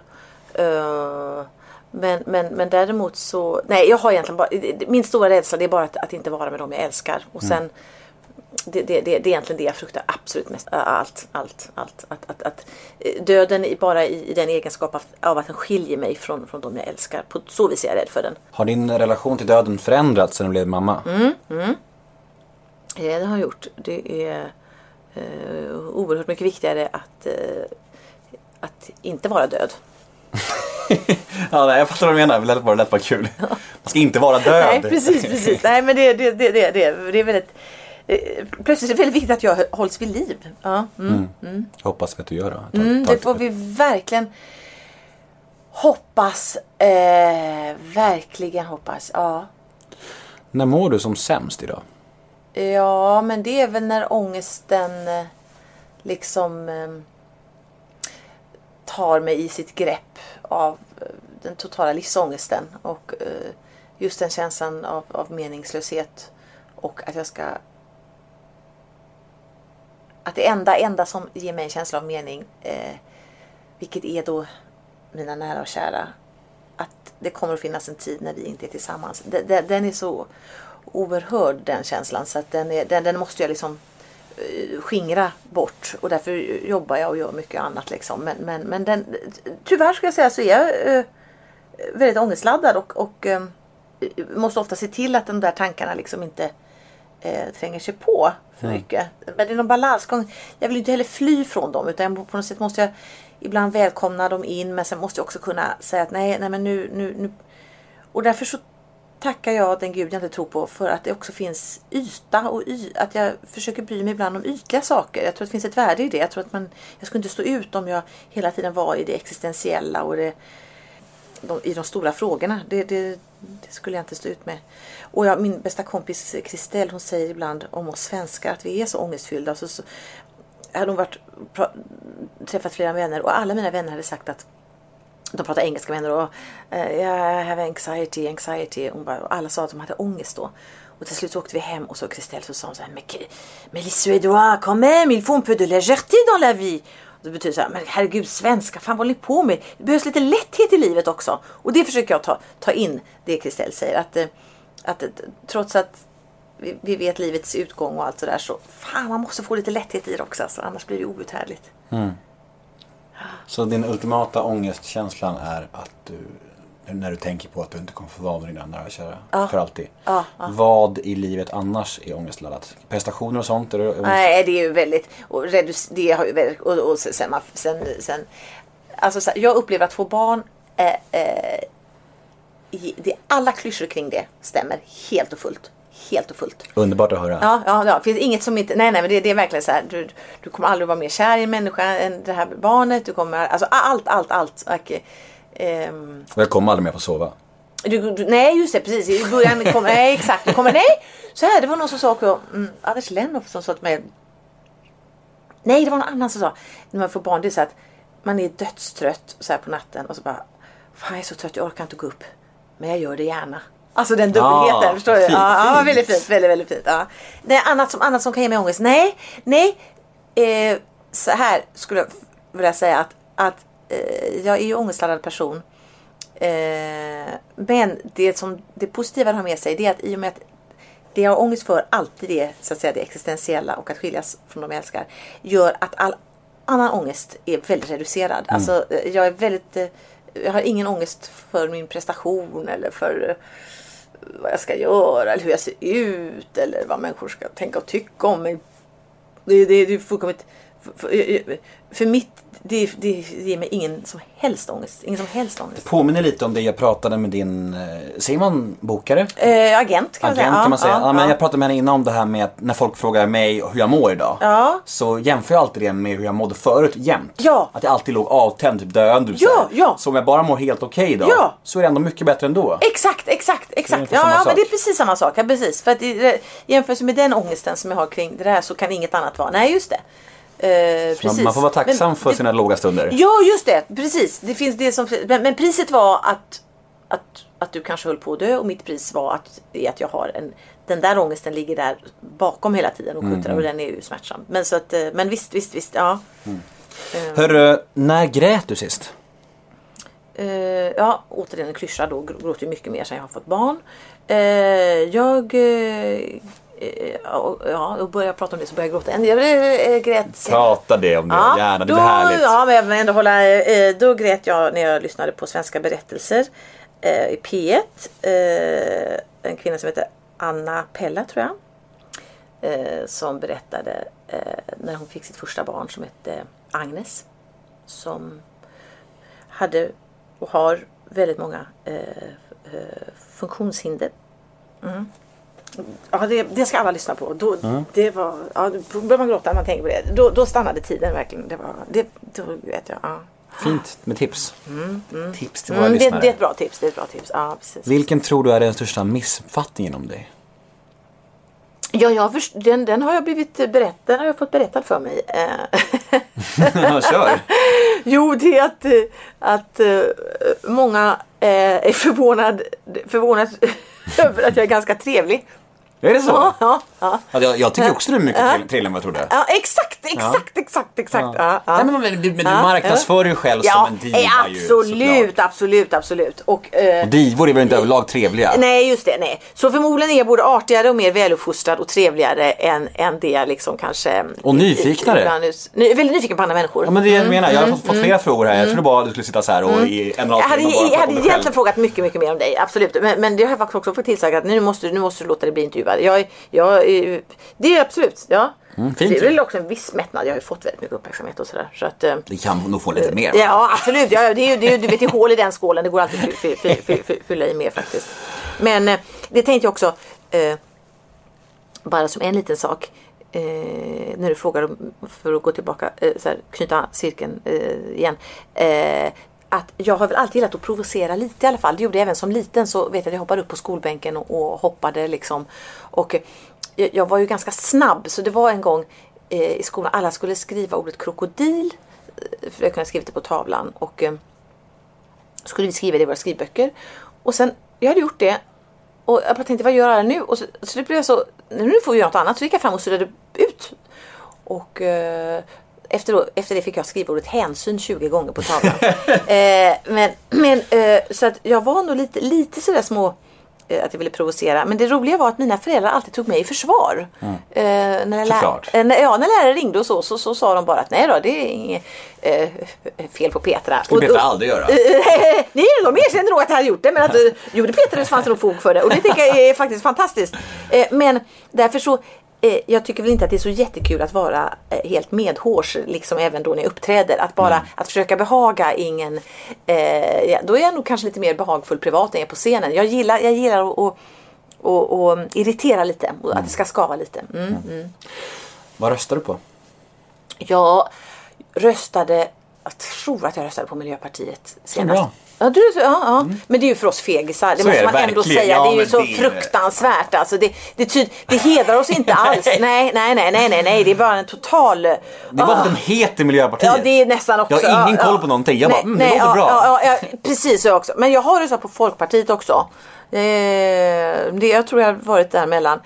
Och det- Ibland tycker jag att man borde fan, man borde kräva, det borde krävas en jävla licens för att få rösta ens. Jag skulle inte vara röstberättigad. Nej inte jag heller. Nej. Nej. men det är så här, alltså, man, man, man röstar ju bara, alltså ofta Nej, på grund av vad man har hört, Ja, vad det de heter. Det eller på sin uppfostran. Ja, ja. Men sina föräldrar Ja, röstar just på. det. Precis, precis. För, för, för att precis. jag, Ja, de flesta ja. röstar har ingen koll på någonting. Inte jag, inte Nej, du. om de flesta är som jag då är det, och som du, då är det ju, det är ju det är illa alltså. Det är ja, ja. man borde ha licens för att få rösta. Ja, det, ja nå, någon form av, ibland har jag tänkt på det här. Det finns någonting, vad heter det, någon krati där man har, där eliten får styra. Och egentligen finns det någonting i mig som säger att det borde kanske inte vara ideologer utan, utan experter som styrde ett land. Eh, förstår du? Som kunde göra en, alltså en nationalekonom som ser och så har man, man måste ha några värderingar som man skriver under på då. Att att till exempel så här, så här låg, lägre standard än så här får ingen leva på. Eh, mer pengar så här behöver ingen ha. Så här gör vi för alla. Och så skulle man bara lämna det, fix it liksom. Alltså jag, för att så som man röstar nu röstar man ju också ut, ofta utifrån sin egen, eh, det som gynnar en själv bäst. Jag menar egenföretagare kanske inte så ofta är, de är väl ofta lite då mer till höger liksom. Ja, men för att de är lägre. Men det är klart för, det är för att de vill ha, men, eh, och, så det är väldigt logiskt i alla, då skulle man ju ha man skulle inte få rösta själv därför att det är bara är ofta egenintresset som styr. Mm. Jag kan säga så här, rent alltså, kunskapsmässigt så skulle jag ju kunna rösta Ja, kanske inte för långt ut åt någon kant kanske inte. Där, där kanske jag skulle känna viss rädsla. Men alltså, jag, alltså, nästan så att jag skulle du vet, både kunna rösta på sossarna och moderaterna. Så, så, Mm. så, så illa är det med mig alltså. Ja, mm, Hörru, det här med att vara offentlig människa då. Du trivs i rollen som det? Det gör du va? mm, jättebra. Eh, jag älskar, jag älskar, älskar inställningen. Men alltså det här med att ta selfies hos folk på gatan och så här, det, det, Det är, bara, bara härligt. Ja, ja visst, visst, visst. Ja. Men kritik och sånt här, när, när en show till exempel eller, eller Mm. får recensioner och sånt här. Hur tar du sånt? Eh, Går det in eller rinner det bara av dig? Nej, det går inte in så mycket i mig. Det, men det är ju det är för att jag från början Har en super självkänsla. Du har ju det! Ja, Om jag har tar- det! om du inte tar den, den är dig. ganska bra, den är okej, det är den absolut. Eh, Sveriges bästa självkänsla, Ja, Petra ja, ja, ja, ja, ja, ja, jag kan inte, nej, jag kan inte säga något annat. Nej. Men, men det är ju liksom, och jag säger, det är ju, jo men det är bra, bra, bra, bra att ha det. Men det, det tänker jag, åh fan vad mina föräldrar har gjort ett bra jobb där alltså. Verkligen. Det är så enormt. Det, det är liksom, de har ju fått mig att tro att jag kan styra hela världen. Mm. Men däremot kan självförtroendet svikta. Eh, Alltså att jag kan säga det här är jag bra på, det här är jag mindre bra på. Men jag är ju alltid väldigt värd. Jag känner mig alltid väldigt värdefull. Jag har alltid känt att världen behöver mig. Men det jag skulle säga var, att, vad var det fråga om det då? Vänta. Nej men så här, jag började ju ändå som ståuppkomiker. Och då var jag väldigt sådär, jag, eh, eller, provoc- eller människor uppfattade mig som provocerande och sådär. Jag ledde Melodifestivalen ganska kort efter att jag blivit offentlig eh, 2009. Och människor skrev massa vad de tyckte och tänkte. Och, då, och jag sitter bara och tänkte oj vad många människor som tycker och tänker olika saker om mig. Och då var det, jag kommer ihåg vem det var, men någon komiker sa till mig så här att nu får du göra ett val. Antingen så tar du in allt det människor tycker och då kan du inte jobba med det här. Eller så skiter du i det. Och så. Och, eh, så det, var, det var verkligen ett medvetet val då som jag gjorde. eh, att eh, att eh, skita i det. Och det är ju på gott och ont därför att ty- tyvärr så jag bryr mig inte så mycket om dåliga recensioner men tyvärr bryr jag mig inte så mycket om bra recensioner heller. Eh, Jag vet att eh, många sa till den här bonusfamiljen då. Alltså det, jag tycker det är jättekul att den ses av så många, den engagerar många och sådär. Och så var det någon som skrev så här. Ja men nu gillar ju, vad heter han, eh, Kroneman dig, Mm. tycker jag är bå Och, eh, och, och grejen är att jag bryr mig liksom inte så mycket. Det det är inte, jag har, har, min karriär har inte jag för honom. Alltså förstår du? Eh, så det är på ett sätt lite tråkigt för jag blir inte så, alltså, eh, jag, jag tar inte illa vid mig men jag tar inte heller så Tycker gott det vid mig. låter Ja. asskönt, Ja, ja, ja, Fett faktiskt. behagligt ju, ja, att ja, det är vad ganska, folk tycker. Ja, det är ganska behagligt ändå. Ja, det är det faktiskt. Hellre ha det så än att bry sig om vad alla tycker. Det gör jag. Jag mig om alla tycker om allt i mitt liv och det är ju mycket jobbigare. Gör du, det, nu när du, nu när du pratar om det, gör, det, gör du verkligen det? Ja, tro mig, jag är jätte så här skör med sånt där. Jag är nästan, du vet, det är så här om jag får 80 kommentarer på min Instagram. Åh vilket bra avsnitt med Petra Mede, fantastiskt. Och så kommer en kommentar bara, fan vad ni snackar mycket Ja, så skit. då- då- då, bara, okej, tänk, ja. vad det är i sex timmar liksom. ja. Sådär. Och det tror jag är skillnaden på bra självkänsla och en dålig. att man låter sig påverkas av sådana yttre grejer. Jag har gott självförtroende men sämre självkänsla liksom. Okej, ja just det. Nej just det, för då, då kan man säga precis. Du har, du, vad sa du, du har gott självförtroende. Gott självförtroende. Ja. För jag, vet, jag vet vad jag är bra Ja. på. Jag tycker Ja. jag är bra på. Jag tycker jag är bra på det här till ja, exempel. jättebra är du verkligen. Ja, du är förvånansvärt bra. Jag har ju ingen aning om dig och du är otro... Du har fått mig att berätta eh, saker som jag, jag, jag, jag trodde att jag i alla fall hade inte, nej integritet har jag inte men att jag liksom så väljer vilka historier. Men idag har jag berättat lite mer. Vad tänkte- glad jag blir. Ja, när Filip och Fredrik tänkte jag, det har väl inget med att göra men nu ville du och då, ja, då berättade jag den och så. Så du är väldigt duktig. Väldigt duktig. Ja. Trots att jag berättade min taktik innan, hur jag är, att jag är öppen om mig själv och då gästerna, Ja, så går jag ändå på ja, allting. Jag vet, jag vet, Du jag ser. vet, jag vet. Men du vet, du vet, inget, eh, botten är mig, botten är dig och man är inte, man är, jag är, jag är till, lika lättlurad som alla andra. Så är det. Bara för att du känner så är du inte Nej, osårbar. men jag är också kändis. Och det är är det. Jag, är så, jag är sårbar och kändis och det ger ändå något spe, spe, spe, speciellt. Hellre då sårbar, måste helst sårbar och än bara sårbar. Ja exakt, exakt. Nej men vet du, jag måste bara säga, jag tror att just självkänslan också kan komma från att jag var sjukskriven så länge. Eh, och jag vet precis hur det är när människor försöker ta bort ens självkänsla. Och det finns verkligen människor i samhället som, som, som utsätts eh, på ett fruktansvärt sätt. Och då, då har jag bara tänkt att om det, man får aldrig ta ifrån en människa eh, eh, människovärdet eller självkänslan. Det spelar ingen roll, det spelar ingen roll. Ja, nu kommer mitt andra råd här. Kanske har du ett råd ändå. Nej, men jag tänker på dig Nemo att det spelar ingen roll vad som skrivs och så här. Eh, eh, oavsett om det här blir ett halvkastprogram eller någonting så är ju du så jävla guld värd. Oavsett. Det finns ju liksom... Eh, ja, så är det ju. Tack, Mm. vad fint. Men säger du så bara för att mena eller för att verka som en lite goodwill nu här?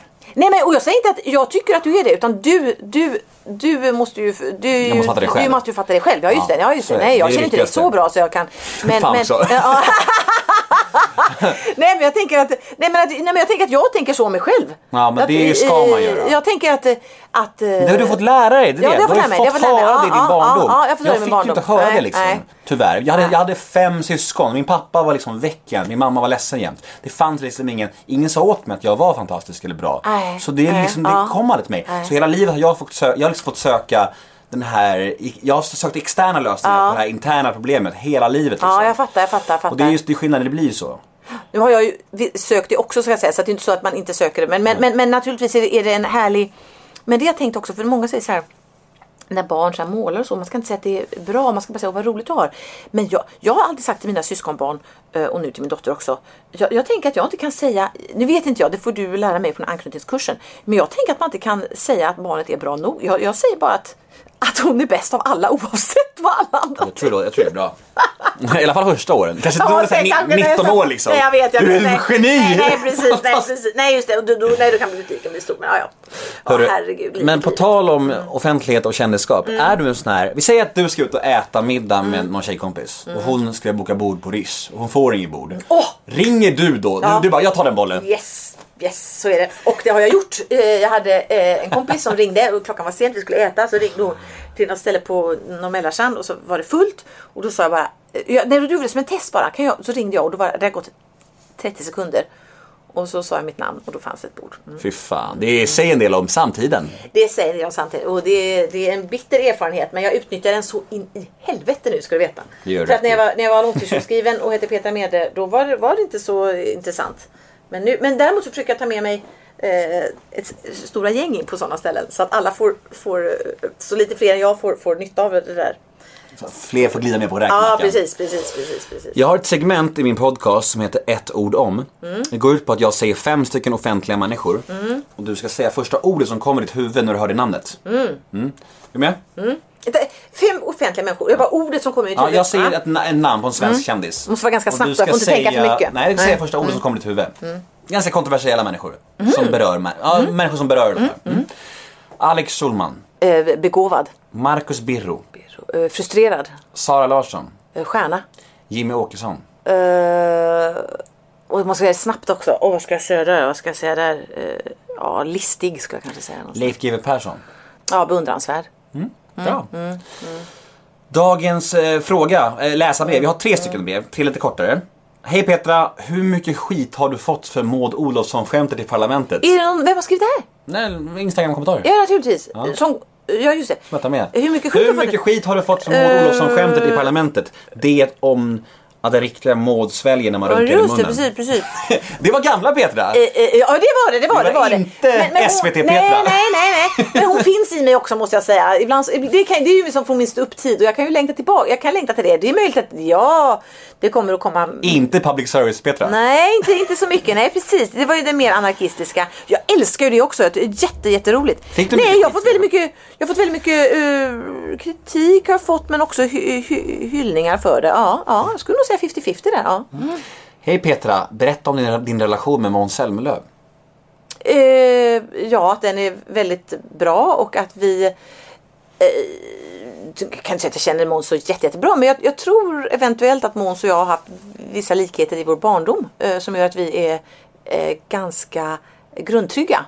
Eh, och det gjorde nog att vi klickade väldigt, väldigt bra. Alltså, Jag vet inte någon jag kan stå på scen med och vara så trygg som med Måns. Det skulle jag gärna göra om. Han är fruktansvärt... Eh, eh, om man ska säga någonting, han är ju roligare än man kanske...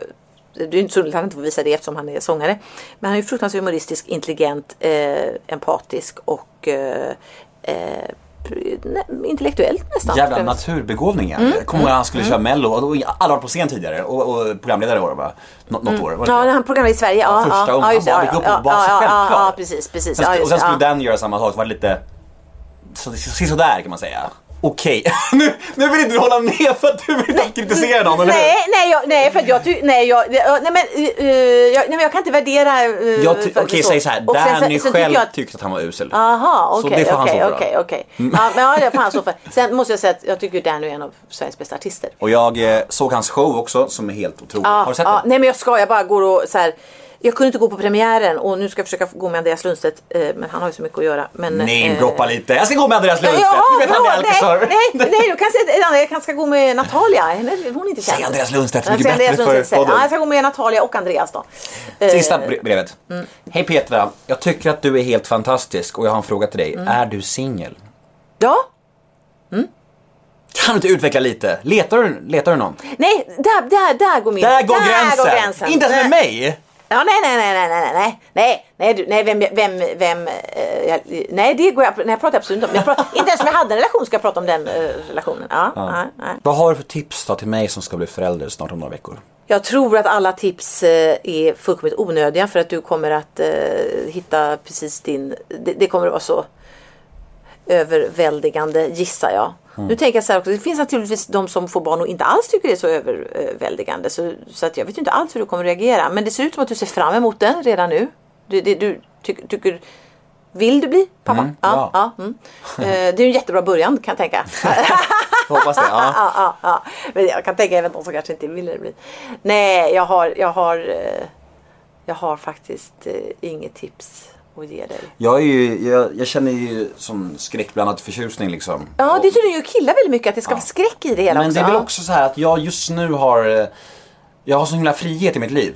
Jag sätter, Mm. Men mitt, jag sätter mitt, e- jag sätter mitt eget schema liksom med föreläsningar, ja, en podd ja, där, ja, mm. innebandy. Jag, jag, jag gör som jag vill liksom. så här. Innebandyn är viktig, ja jag fattar.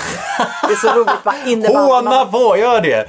Men sådana där grejer faktiskt, alltså alla de där intressena som jag har tagit upp när jag blev nykter och drogfri, de är viktiga faktiskt. Jag förstår det, För förstår det det, är förstår grejer det. som fall bort när jag började supa Jag och knarka. Men tillbaka nu. då ska jag säga, eh, Ebba Witt-Brattström eh, hörde en intervju med henne när hon berättade, hon har fyra barn tror jag och hon blev mamma ganska ung och det var så bra sa hon därför att eh, då förstod hon att tiden, eh, att hon inte hade all tid i världen. Mm. Alla säger det, de blir ju mer effektiva, det det är jag också. Alltså, eh, eh, man använder tiden på ett mycket, mycket bättre sätt. Man får ju mer gjort. Man blir ju all, all, så här, allt blir bara bättre. Det är jätteunderligt. Eh, Det, det blir inget, jag, jag, fortfarande, idag nu efter fyra år, jag, jag, kan, jag hatar att slösa med tid. Så om jag inte är med min dotter så ser jag till att göra någonting som är jobb eller som är som leder någonting. Jag, jag eh, sitter inte bara och tittar på TV. Alltså, allting blir bara mer värdefullt på något sätt. Du har bara, alltså, Det blir bra. du, ja, det enda, så här skulle jag säga. Eh, Jag, jag känner ju så här. Jag känner ändå att oh, man ska nog ändå, nu vill man ha ett råd här av Petra ändå. Nej, och jag har väldigt få råd att ge. Och jag tycker alla insikter man har fått i livet har man fått efteråt. Men en liten, som jag i alla fall skulle säga. Men det verkar människor inte göra nu. I min generation så väntar man ju så länge med att få barn. Det tänker jag bara. Äh, äh, äh, att se till att, att få, jag tänker att barn kommer liksom aldrig precis så här, och nu ska jag, nu ska jag. Alltså, jag hade lika gärna kunnat in, äh, inte kunna få barn när man, är så gammal, när man var så gammal som jag. Det, det fick jag reda på efteråt. Det, är ju så här, det var så här 2% chans eller någonting, 5% att bli gravid. Så att eh, jag tycker det är så kul att du är bara 29 och ska bli eh, pappa. Jag tänker det är, eh, jag hade ju velat ha ännu fler. Alltså det är bara för, föda barn. Det är ju, det, det, liksom, det finns ju ingen tvekan där. Men har du någon slags ångest över det? Att, du inte, att hon inte får några syskon? Eh, nej men ibland önskar att så här, kan du ville få fler barn. Men så känner jag som en kompis till mig igår sa att det är ju lite girigt att också. Och ibland tänker jag, ibland får man, inte för att jag är den som är så här förnöjsam av mig, men för ibland får man också vara väldigt tacksam för att eh, att man fick det lustigt nog av alla miljarder människor som har funnits så fick jag nämligen det finaste barnet av alla. Sjukt, ja, alltså. det är helt otroligt. Det, det, det, så, det, så det är ju något som har förunnats bara mig då. Så det kan ju inte du räkna med. Men, eh, nej men så att ehm, Eh, nej, men jag försöker fylla upp med massa kusiner. Det här är ett barn som har ett enormt stort nätverk ute i Bromma och med, det är väldigt mycket kusiner och fastrar och mostrar och allting. Så att, eh, Det är intressant det du säger med det här med timing och när man ska Mm, få barn och så här. Och för många, många sa det. Alltså jag och, och min tjej, vi var inte så här. Vi, vi blev typ ihop i samma veva som vi fick barn. Det var inte så att vi, det var, det var, gravida, det var inte så att det var, det var inte planerat heller. Ah. Nej. Men vi gick på ultraljud och vi kände så här, fan vi vill behålla det här. Det här känns Ja. helt rätt. Och det är det enda man kan gå på den känslan. ja, ja. Alla snackar om, är det rätt i livet? Ja, ja, nej, nej, nej, ja, jag vet, ja, jag vet, Alltså, vadå? ja, när ja, är det ja, rätt? när är det rätt, liksom? ja, precis. Det är, väl- det är väl en gåva att bara bli gravid ja, liksom. Hur gammal är din tjej då? Hon är 26. Ah, perfekt ålder Ja. vet du. Herregud. Ja men det är väl bara liksom så här, känns det rätt, känns det rätt? Det är bara att köra. Ja, ja, ja, ja, Folk ja. snackar så mycket om, oj är rätt i det läget? Ja, nej, och- nej, nej, nej. Det, och, och ni är pigga och alltså så här. Det, det... Och nyktra. och Pigga nyktra, nyktra. Ja, ny, pigga och nyktra. Ja. ja. Hörru, ehm, jag tänker så här. Drömmar och framtid. Hur ser Mm. det ut de närmsta åren för dig? Vad, vad, vad har du kvar som du vill göra? Har du några så här? Mm. Jag, jag, jag, alltså så här, jag vill, jag vill ha en jag vill skådespela mer. Verkligen så här riktigt skådespelarroll. Och sen så skulle jag nog vilja fortsätta med ehm, ehm, eh, live, alltså det har varit så roligt nu med den här eh, Den ofrivilliga divan som, som ju ändå liksom, det är mitt första försök och det är en turné som ändå är begränsad både i tid och rum. Men jag skulle vilja göra eh, ännu en sån liksom. Och, och sen kanske, kanske tillbaka på ståuppscenen på något vis liksom sådär. Ja! Ja, Det är kanske många kanske, där- nu är det många där bara, mm, ja, bra. ja, jo, jo. Men, hur- då får de inte ha för mycket krav på mig. Då måste de vara snälla åt mig. Men alltså om du Snäll- går och ja. ställer dig på typ såhär Big Ben. Ja men förstå förväntan. Förstå Men förväntan. Jag tror att folk, folk kommer ju skratta bara att du öppnar munnen. Ja, men ja, vilket också är oroväckande. För då vet inte du vad som är bra, eller? Nej, jag vet inte vad som är Nej, precis, precis. Ja. Men den här showen Ofrivilliga Divan, Ja. hur länge kör du den? Ja, men det kör jag. Nu är jag ute på turné eh, och sen så avslutar jag den med tre föreställningar 16, 17, 18 maj i, på Maximteatern i Stockholm. Och sen så stänger jag den. Sen är den för den, det är vissa aktualitet, jag pratar ju om Eurovision och vissa grejer och sådär. Och då, då, då, då blir det inaktuellt så att då, Mm. då måste den stängas. Men jag undrar om jag inte börjar fila på en ny då alltså faktiskt. Som kanske får komma om något år efteråt. Jag måste komma då på Maxim. Ja men det måste du verkligen. Ja. Jag kanske bjuder dig. Men det är ju för att jag, om jag får halva gaget av Ja, eh, självklart. det här. självklart, självklart. Hörru, om man vill följa Petra Mede på sociala medier, vart finns du? Vad heter du? Ja, det, ja, eh, det måste man verkligen göra nu alltså. Eh, för att ja, men jag heter The Petra Mede på Instagram. Och där ska jag försöka förbättra. Jag är rolig. När Andreas Lundstedt är med mig blir vi jätteroliga. Det ligger ett roligt eh, tigerklipp där nu. Och sen så eh, på Facebook så har jag ett officiellt som en oerhört tjej, snäll tjej som heter Anna i Alingsås gör åt mig. Som heter Petra Mede så här, official tror jag. Och sen så har jag också ett Pet- där har jag ett privat Petra Mede också. Där jag ser lite suddig ut och där jag står så här. Men sen finns det andra Petra Mede som inte är jag. Men det tror jag man ser vilka det är. Jag vet inte. Jag, jag vill bli vän med din privata. Ja, det, det, då, då hade jag så här, ja, det, här, det är begränsat men grejen är att nu får alla som frågar komma in där ändå. Men tydligen finns det nummer, ett, eh, en maxgräns där. Ja, ja 5000 ja. Ja. ja. Men vad fan, du, du ska inte, du, du ska inte acceptera fans, du ska acceptera mig för att jag är Ja men då, jag måste göra en utrensning då. Ja, ja, du får- du får låter anställa någon som går igenom. Ja, men för, Du har ju en för, för, agent. För, ja jag vet, för det var fullt på den sa hon nu. Så nu må, måste jag liksom tacka Ja, nej för att du kunna ta in mina alltså till alla? vänner. Du Jag, jag har gjort det. det, det, Ja, jag, det där är ett misstag man gör. ja, det är ju... Ja, ja så, så är det i alla fall. Hörru, jag heter Nemo Hedén på Twitter och Instagram. Åh. Hashtaggen är NEMOMÖTER. In och gilla oss på Facebook, Nemo möter en vän. Vi säger superstort tack till eh, den ofrivilliga divan, Petra Mede. Tack Nemo. Hej då! Hej då.